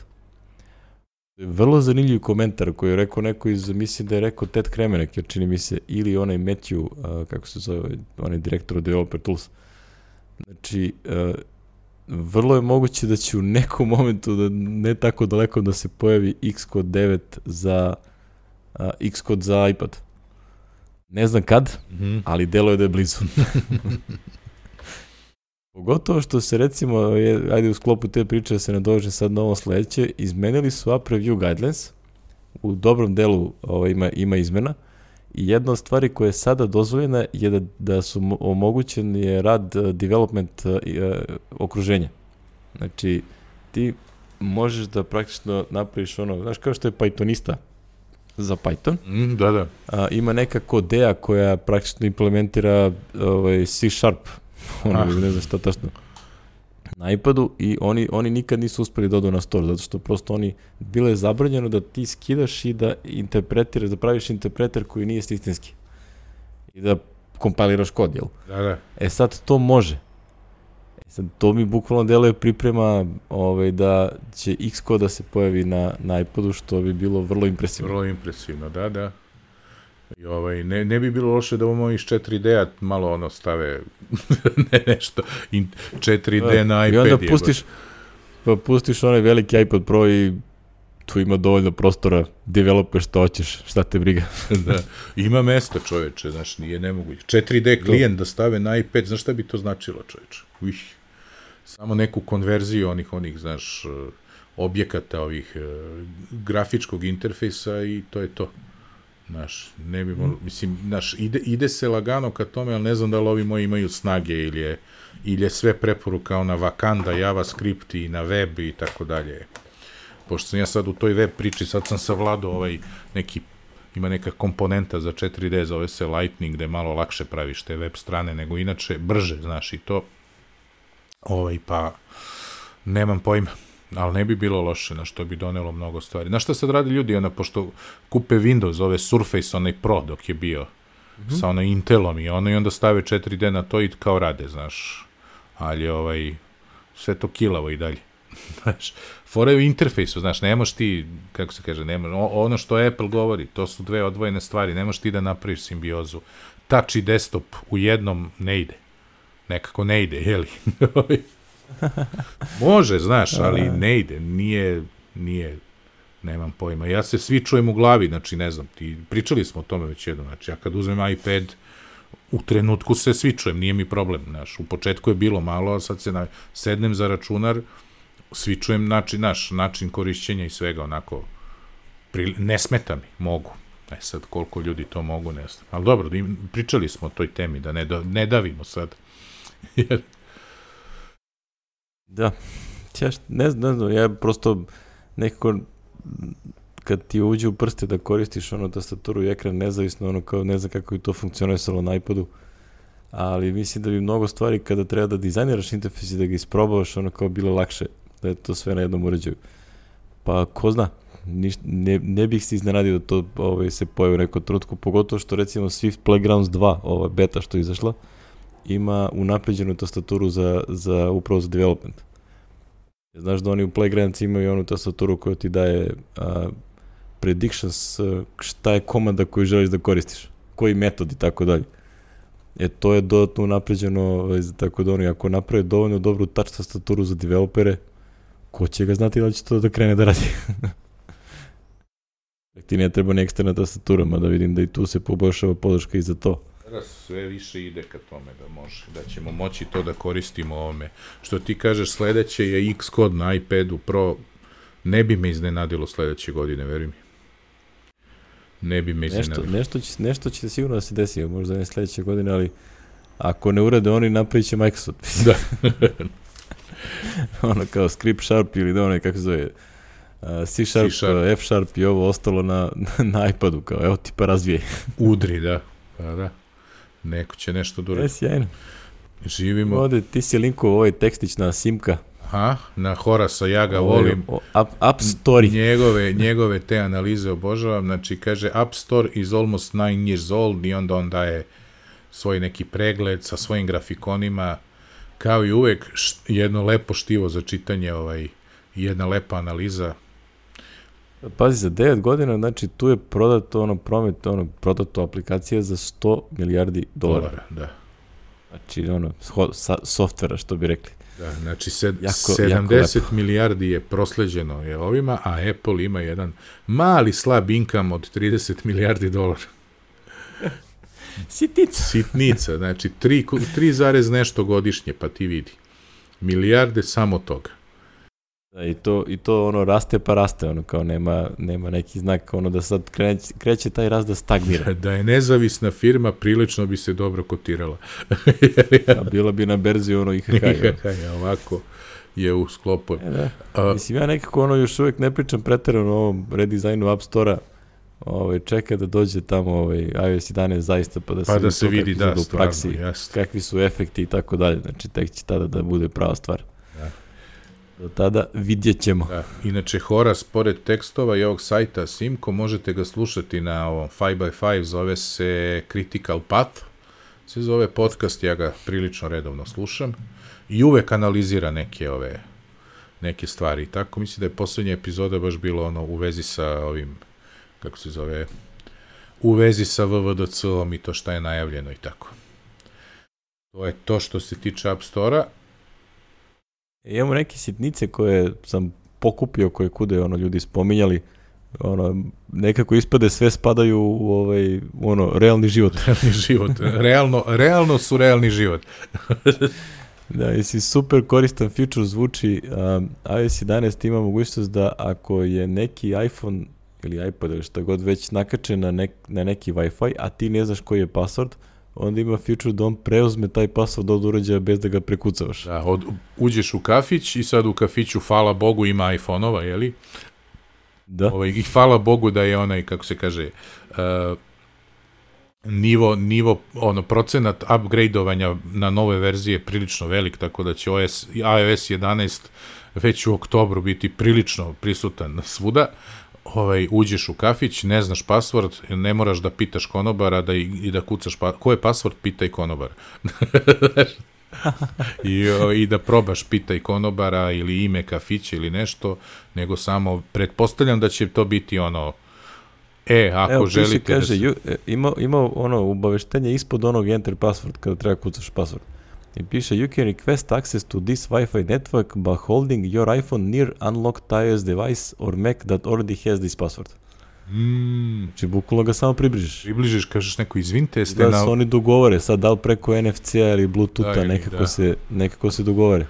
Dobro, kažeš ko, devojci za susednim stolom, izvini, mogu li da ovaj... Izvini, koji ti je password? koji ti je password, da. mogu li ja da, ovaj, da, da, da prislonim moj telefon pored tvog? Će to biti zajebanci. Ja. E, ima još jedna stvarčica koja je isto korisna. Kad urodiš uh, instalaciju iOS 11 uh, od nule, od nule, da, full wipe. Onda ti nudi onaj express settings. Mm -hmm. da te ne pita zasedno za svaki ono, da li hoćeš da dozvoliš location access, da li hoćeš da šalješ sa developerima one uh, share data i tako dalje, nego sve to na jednom ekranu i kažeš yes. Što ja vrlo pozdravljam jer se nadam da će konačno podigne onaj procenat onih crash logova koji ti stižu koji ti stižu, da, da. Ja to da, uključim, da, ovaj, malo... Meni se rotira, ne, no, kotira se negde oko 25% od svih mojih korisnika za RAM 5K. Što je baš malo. Malo, malo, treba više. Tako da ako ovaj, ovaj kako ljudi su navikli da sve kažu yes, yes, yes, next, next, da će i ovo da prođe i onda kao na sve pristeš. to je dobro došlo u ovom slučaju, ali meni se ubedljivo najviše sviđa ova treća stvačica, a to je Airplay, sa AirPlay ja. 2 protokolom, a, kad nešto streamuješ na recimo TV ili na Apple TV i neko te pozove, to neće da utiče na to što streamuješ. Neće da prekine. Se, da, to se sad dešava i to me mnogo nervira. da, da. Ono, znaš, kad slušaš nešto i onda ti stigne e, ono, iMessage ili nešto i onda ping se čuje preko zvrštika kao beži bre. E, ovo će sad biti sjajno. Znači, uh, interruptions, uh, phone calls i notification neće da utiču na to što se streamuje preko Airplaya, tako da mega dobro. To će stvarno biti ono kao lepo unapređenje. Sad ne znam šta su uslovi da se podrži Airplay 2 protokol, Da vidimo da li je možda neki samo softwareski upgrade što je bilo lepo, pošto sam skoro kupio receiver. pa bi bilo lepo. da, ga, da ne moram da ga menjam. da ga menjaš, lepo, lepo. Da se je to samo pitanje softwareskog update i da će onda ovi iz Yamahe da naprave update firmera da to ima. Bilo bi lepo. Bilo bi veoma lepo. Ako ne, ne urade, davit ću ih. davit ću ih. Mnogo ću da ih davim. Da, da, da. Dobro. E, Ima dve stvari koje su više onako polu biznis priča. Ovo sam potpuno bio propustio ono kad smo pričali prošli put da se pojavio iMessage for Business.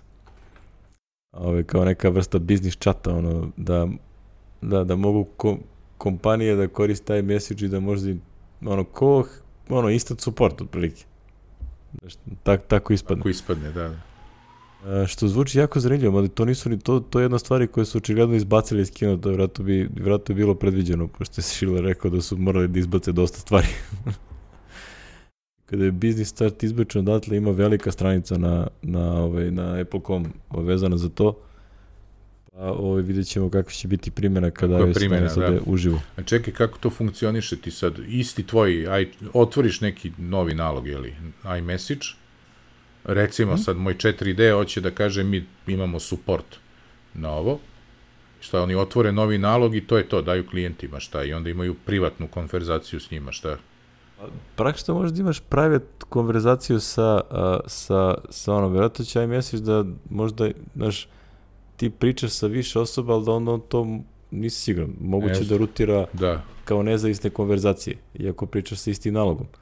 Sad ono što je zanimljivo za kompanije što ti možeš unutar toga da, pošto sad ima Apple Pay je podržan kao message extension, i možeš da recimo tipa, znaš ono, imaš problem, hoćeš nešto da kupiš ili nisi siguran da li ti odgovara. I onda pričaš sa nekim customer supportom i onda kažeš, aha, ok, to mi je to i onda ti ovaj na licu mesta ponude da kupiš. Da, evo, možete ovo, možete ovo, da. I platiš preko Apple Pay-a na licu mesta, mislim da je to ono kao da sales, sales funnel će biti jako dobro.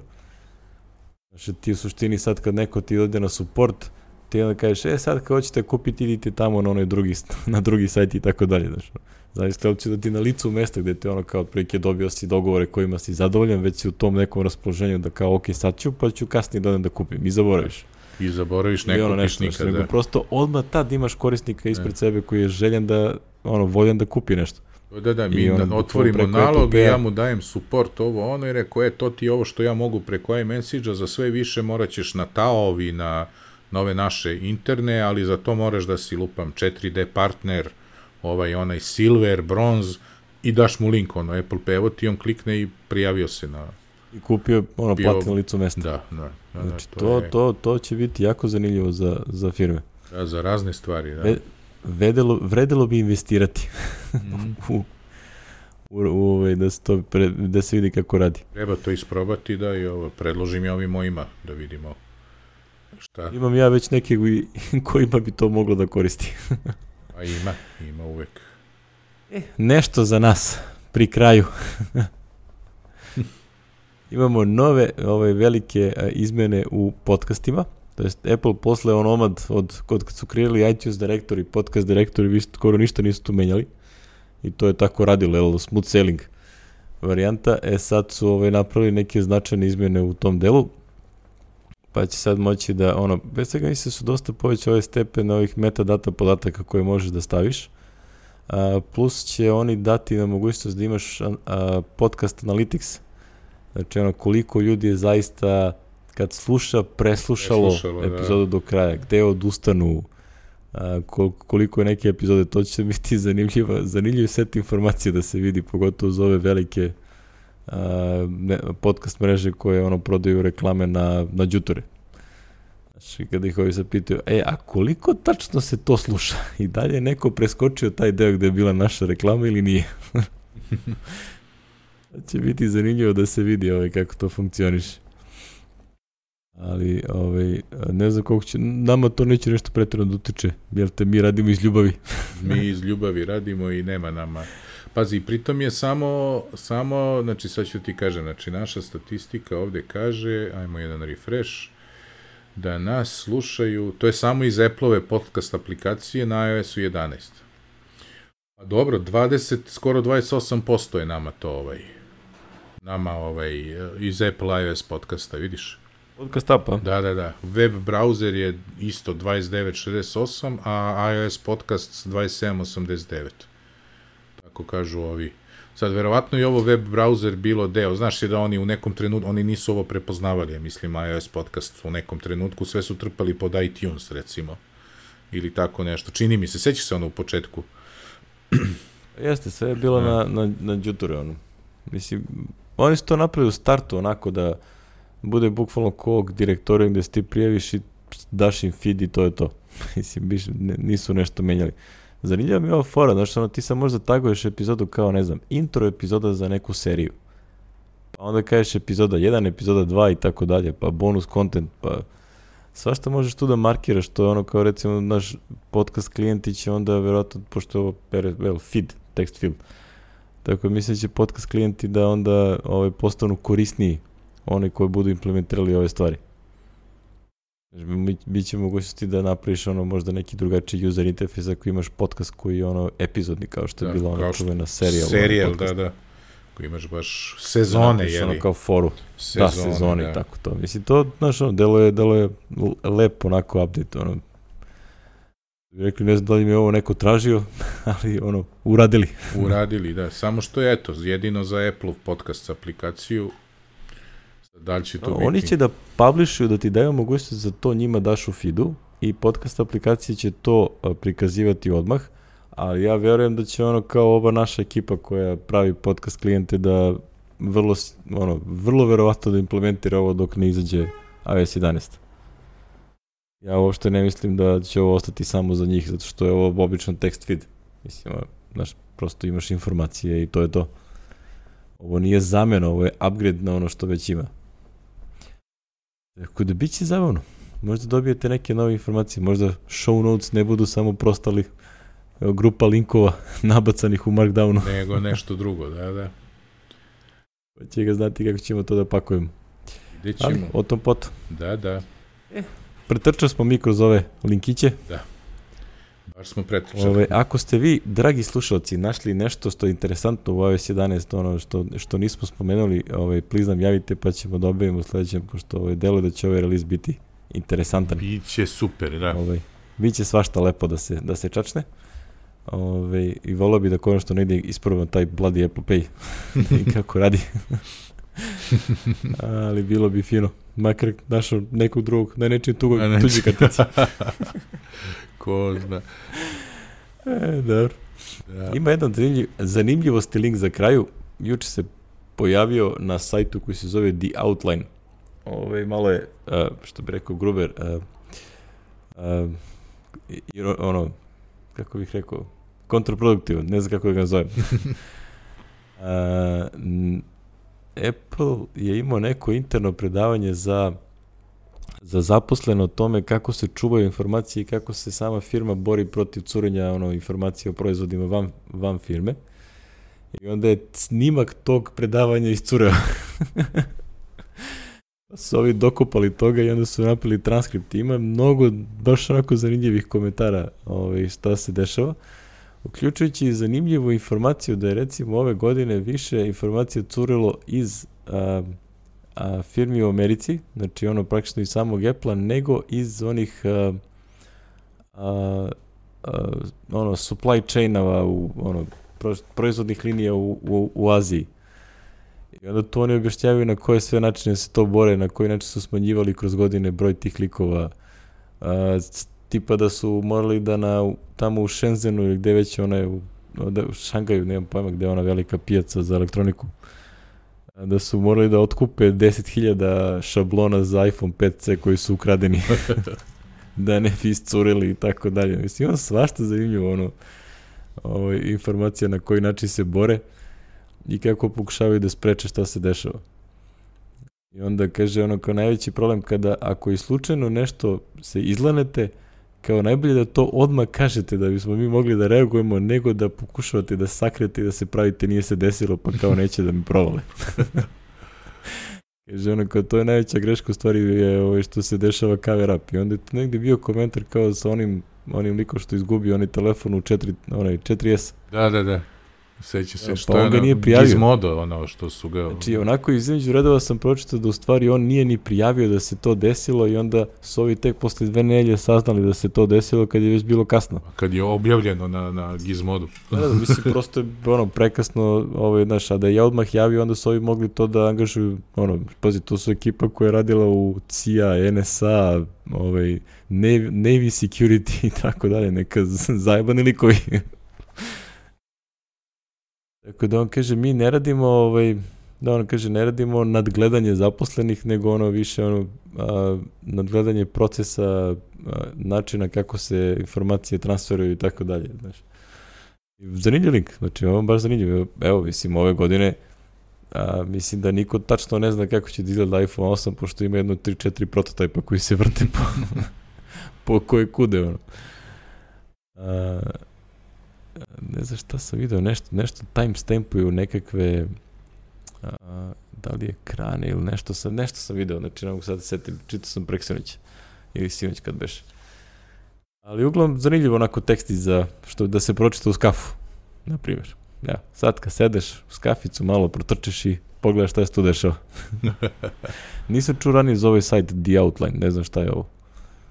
Da si ti čuo za njih? Nisu, nisu, nisu ranije. Javilo se par tih nekih online publikacija koje su ono ovaj, fino onako funded, ono imaju zanimljive imena, se tu pre, prestala da rade, ne znam, ona ima onaj Diaxiom, axiom.com, ono, pre, ono ima, pa onda bio od ranije postoji onaj Quartz, uh, Recode je tu i dalje, znaš, ono, tako da ima tih nekih online publik, ono, magazina, kako bih nazvao, online časopisa, ne, nisu ni časopisi, prosto oni objavljuju vesti i ono autorske tekstove, ali deluje da su da ima dosta ljudi pokušavaju da naprave publishing biznis, ono čisti online biznis. Mm.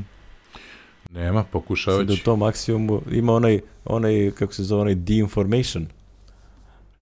To je subscription based i misli da je subscription nešto 500 dolara godišnje. Izgleda da imaju dovoljno ljudi da im se isplati da mogu da praktično imaju ozbiljnu uređivačku politiku sa novinarima koji rade za njih. Znači ono 500 dolara godišnje. Mislim ono, znaš, nije malo.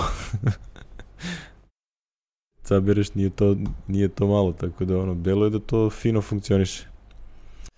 E da, imamo još jedan breaking news, mada ovaj, aj kad smo već ih spomenuli više puta, ovaj, Travis Kalakanik je izašao iz, iz Ubera. Mm. Iz video. Nisam, nisam. Bilo, bilo sa ono, ovaj, uh, investitori ovi što imaju, što su članovi upravnog odbora Ubera su mu rekli da sine ti si završio. Ali bukvalno, Idi znači, kući. ono, kao on je kao išao na, prijavio se da ide na ono leave of absence, znači ono kao ostaje CEO, ali privremeno će kao da se skloni.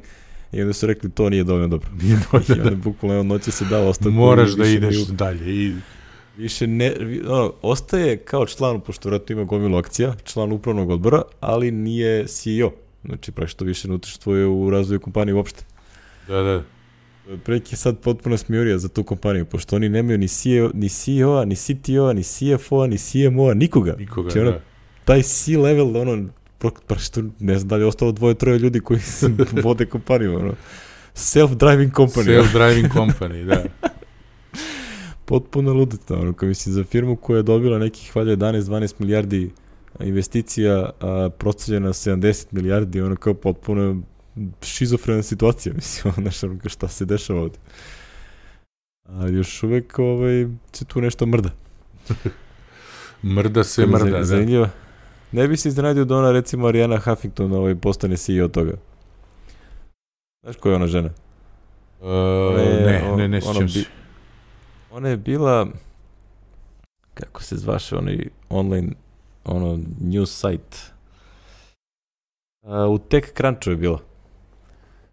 Pa je onda, mislim, ona ima onako dosta uticaja na, na tu Silicon Valley ekipu i tamo i ne bih se iznenadio da ona postane CEO ovaj, Ubera.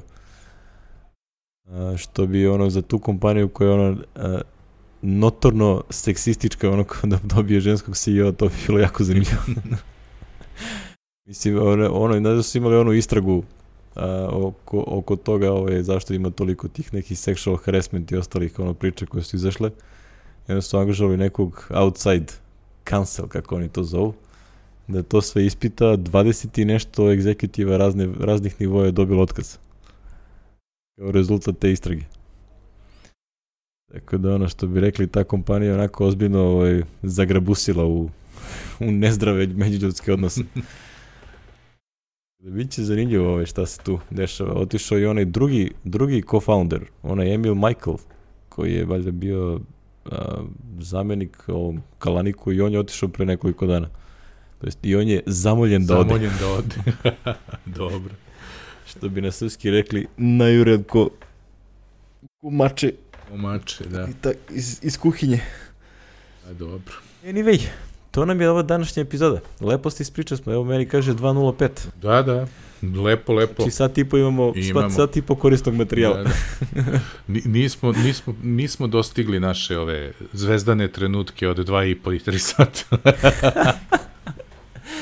Nema materijala da se deli na dve, dve epizode. epizode. Da, da, da, da, da.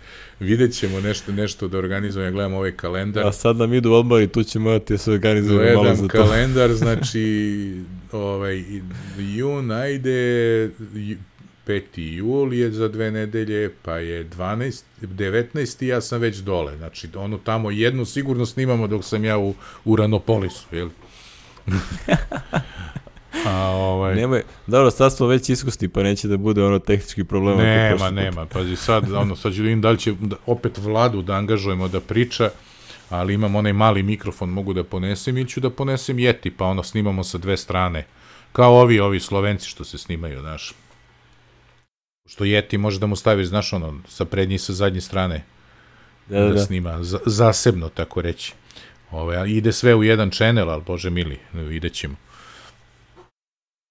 Tako da je to to. To nije strašno za podcast, preživati. Pa nije za taj trenutak, samo mi da nađemo dobar net, pošto zavisimo od hotelskog neta, već ovaj, znači budžet za karticu je izdvojeno davno, no ako bude trebalo.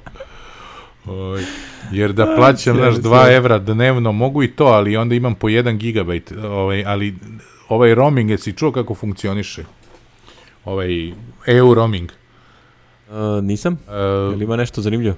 Pa ima, koliko sam uspio da saznam, radi i prepaid.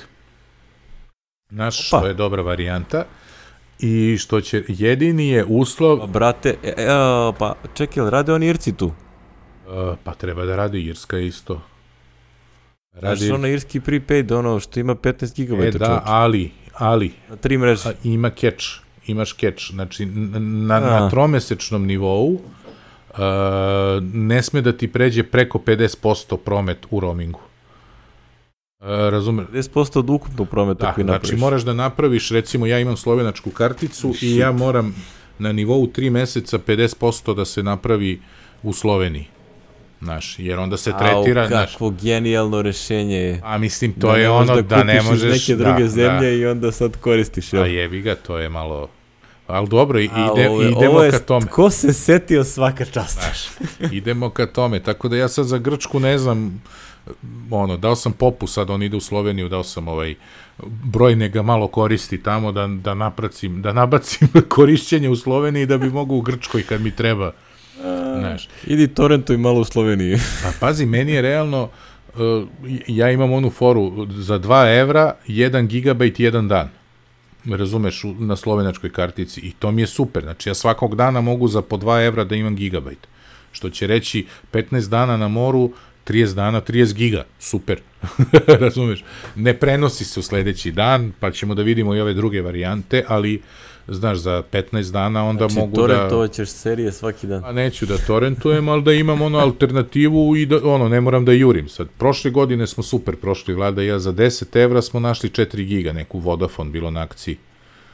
Znaš, Vodafone, to su neke kartice, posle ja kad sam išao da kupim još jednu, pošto sam potrošio 4 giga, bilo je dve za 15, kao. dve za, ne te dve, nego moraš da kupiš tu i još jednu koja će da ti bude prepaid voice, znaš, pa si onda za 15 evra imao 4 giga, što i dalje bilo jeftinije, nego kod Kosmotela i Kosmotea i ovih ostalih, ali ovo... Tako. Znaš šta ima novo? E, Pazario sam juče slušalice, nisam AirPods kupio, to ćemo da ostavimo za posle mora. Ja jesam i mnogo su dobre. e, e, dobro, to mi pričaj ovaj sledeći put. Ja sam uzeo, verovi ili ne, Petar je slomio ono zaštitno staklo i maska mu se polomila, jeli, ispo mu telefon na stepenicama u zgradi. Falilo je pola metra da sklizne nepovratno da padne sa trećeg sprata u podrum. Jajks. Tad bi bilo nepovratno. PTS i onda smo išli da kupimo ove novu masku, novo zaštitno staklo i sad kod popa nije bilo. Imaju samo originalnu Apple-ovu masku za 8000 dinara. Ja sam rekao, si ne znaš šta, to nećemo. I ovaj, I otišli su neku levu radnju i kupimo ja to i vidim stoje ove Apple-ove. Rekao, ja ovo su original, kao, ovaj, kaže, ma jesu, to su moje iz iPhone-a 7, kao ne koristim, kao, ćete i to da kupite, evo za 1000 i po dinara. Tako da sam platio 1000 i po dinara ove Lightning, Lightning Earpods. Lightning Earpods. Earpods i dobio sam adapter koji mi ne treba, onaj Lightning na, na audio. Nice. Tako da, ovaj, eto, vidiš sada imam, imam ove, taman ću da vidim kako se one lome.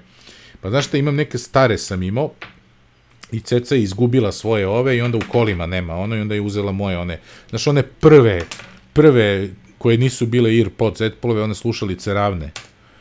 Znaš one, što bole, bole kad ih uvučeš u uvo. Njih koristi.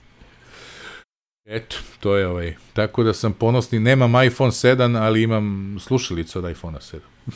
ja video sam ovaj, uživo ovaj crveni iPhone 7, molto belo. Molto belo. A ček, kupio ja, si ja... E, ove AirPods i kupio šta u Berlinu? Ne, ne, ne, kupio sam ovde ovaj, u, u iStyle-u bio na, na leteh na primerak. na primerak, da.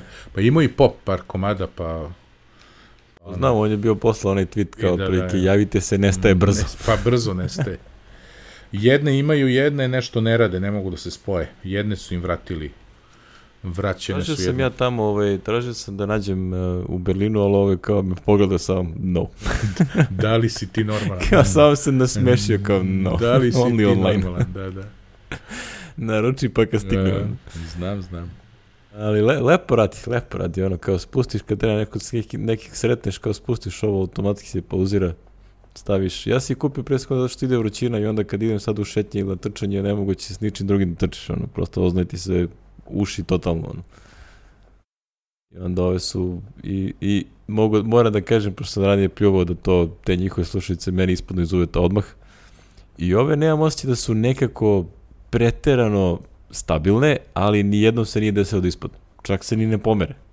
Znaš, tako da, očigledno da onaj kabel, prosto to što fali kabel, da to što ga ti čuškaš, kako se krećeš, da je to dovoljno da ga izbaci iz ležišta. A sad, pošto toga nema, ovo delo je super. Ove, tako da vidio sam još par ljudi ovde kod mene u kraju donose.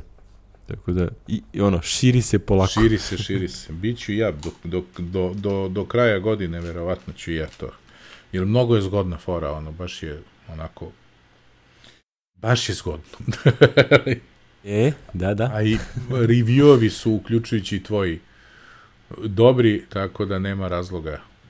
Ja, lepo, lepo, mislim, lepo, tašto baš lepo radi, prosto, znaš, fali mu onaj noise isolation, znači on to prosto nema, ono, ni, ono kad ideš prevozom i, i bilo čime, jako se, vrlo se lepo prenosi unutra to što se dešava oko tebe. A, ali s druge strane, ono, dosta se fino čuje i ono što slušaš, ono, preko toga što se dešava oko tebe, tako da, ono, za podcaste i za trčanje su idealne. To ću ih koristiti za ovo drugo, kad sednem da radim, tu je ovaj, Banging Olufsen, tako da nema, nema, nema brige. Uh, 59 out, a? Out, ova epizoda out. out, što bi rekli, out. Mic drop. Verovatno sutra, prek sutra, ko zna. Ljudi... A sad je sreda, znači ono kao do, taman do petka na tenane. A da. Ne moraš da žuriš. Ne, ne merem da žurim, da, da. Uh, pozdrav za Vladu Tošića koji nam je ljubazno dao našu ovaj, sjajnu urbu muziku. muziku. Aleksandri za logo i Saši Montilju za ovaj, umetničke radove koji krase naše epizode. Ovaj, Miki, čujemo se koliko za dve nedelje. Za dve Možda nedelje. nešto ranije. da, da. Možda i ranije. Da, i se u stvari ne, tad, za, za mesec dana ideš na odmor, tako? E, da, da, za mesec dana, da. Tako da tu ćemo da vidimo kako ćemo se organizovati. Još, do odmora će biti još dve epizode, jeli? Sigurno. Jep. A onda sam okay, ja tamo okay. tačno dve nedelje, tako da ono, ma snimat ćemo dande, kak, kakve veze ima. Biće. Osim ako ne napravimo nešto iz dva dela, pa kao ajde, ali vidjet ćemo. Da ukrademo malo, malo slobodnog da, vremena. Da, malo. Pri, znači ćemo neku temu da može i vlada da nam se priključi, pa da, da to bude ovako sa gostom, konačno jednom. yeah. Važi. Ništa, pozdrav drugari, Ćao. čujemo se.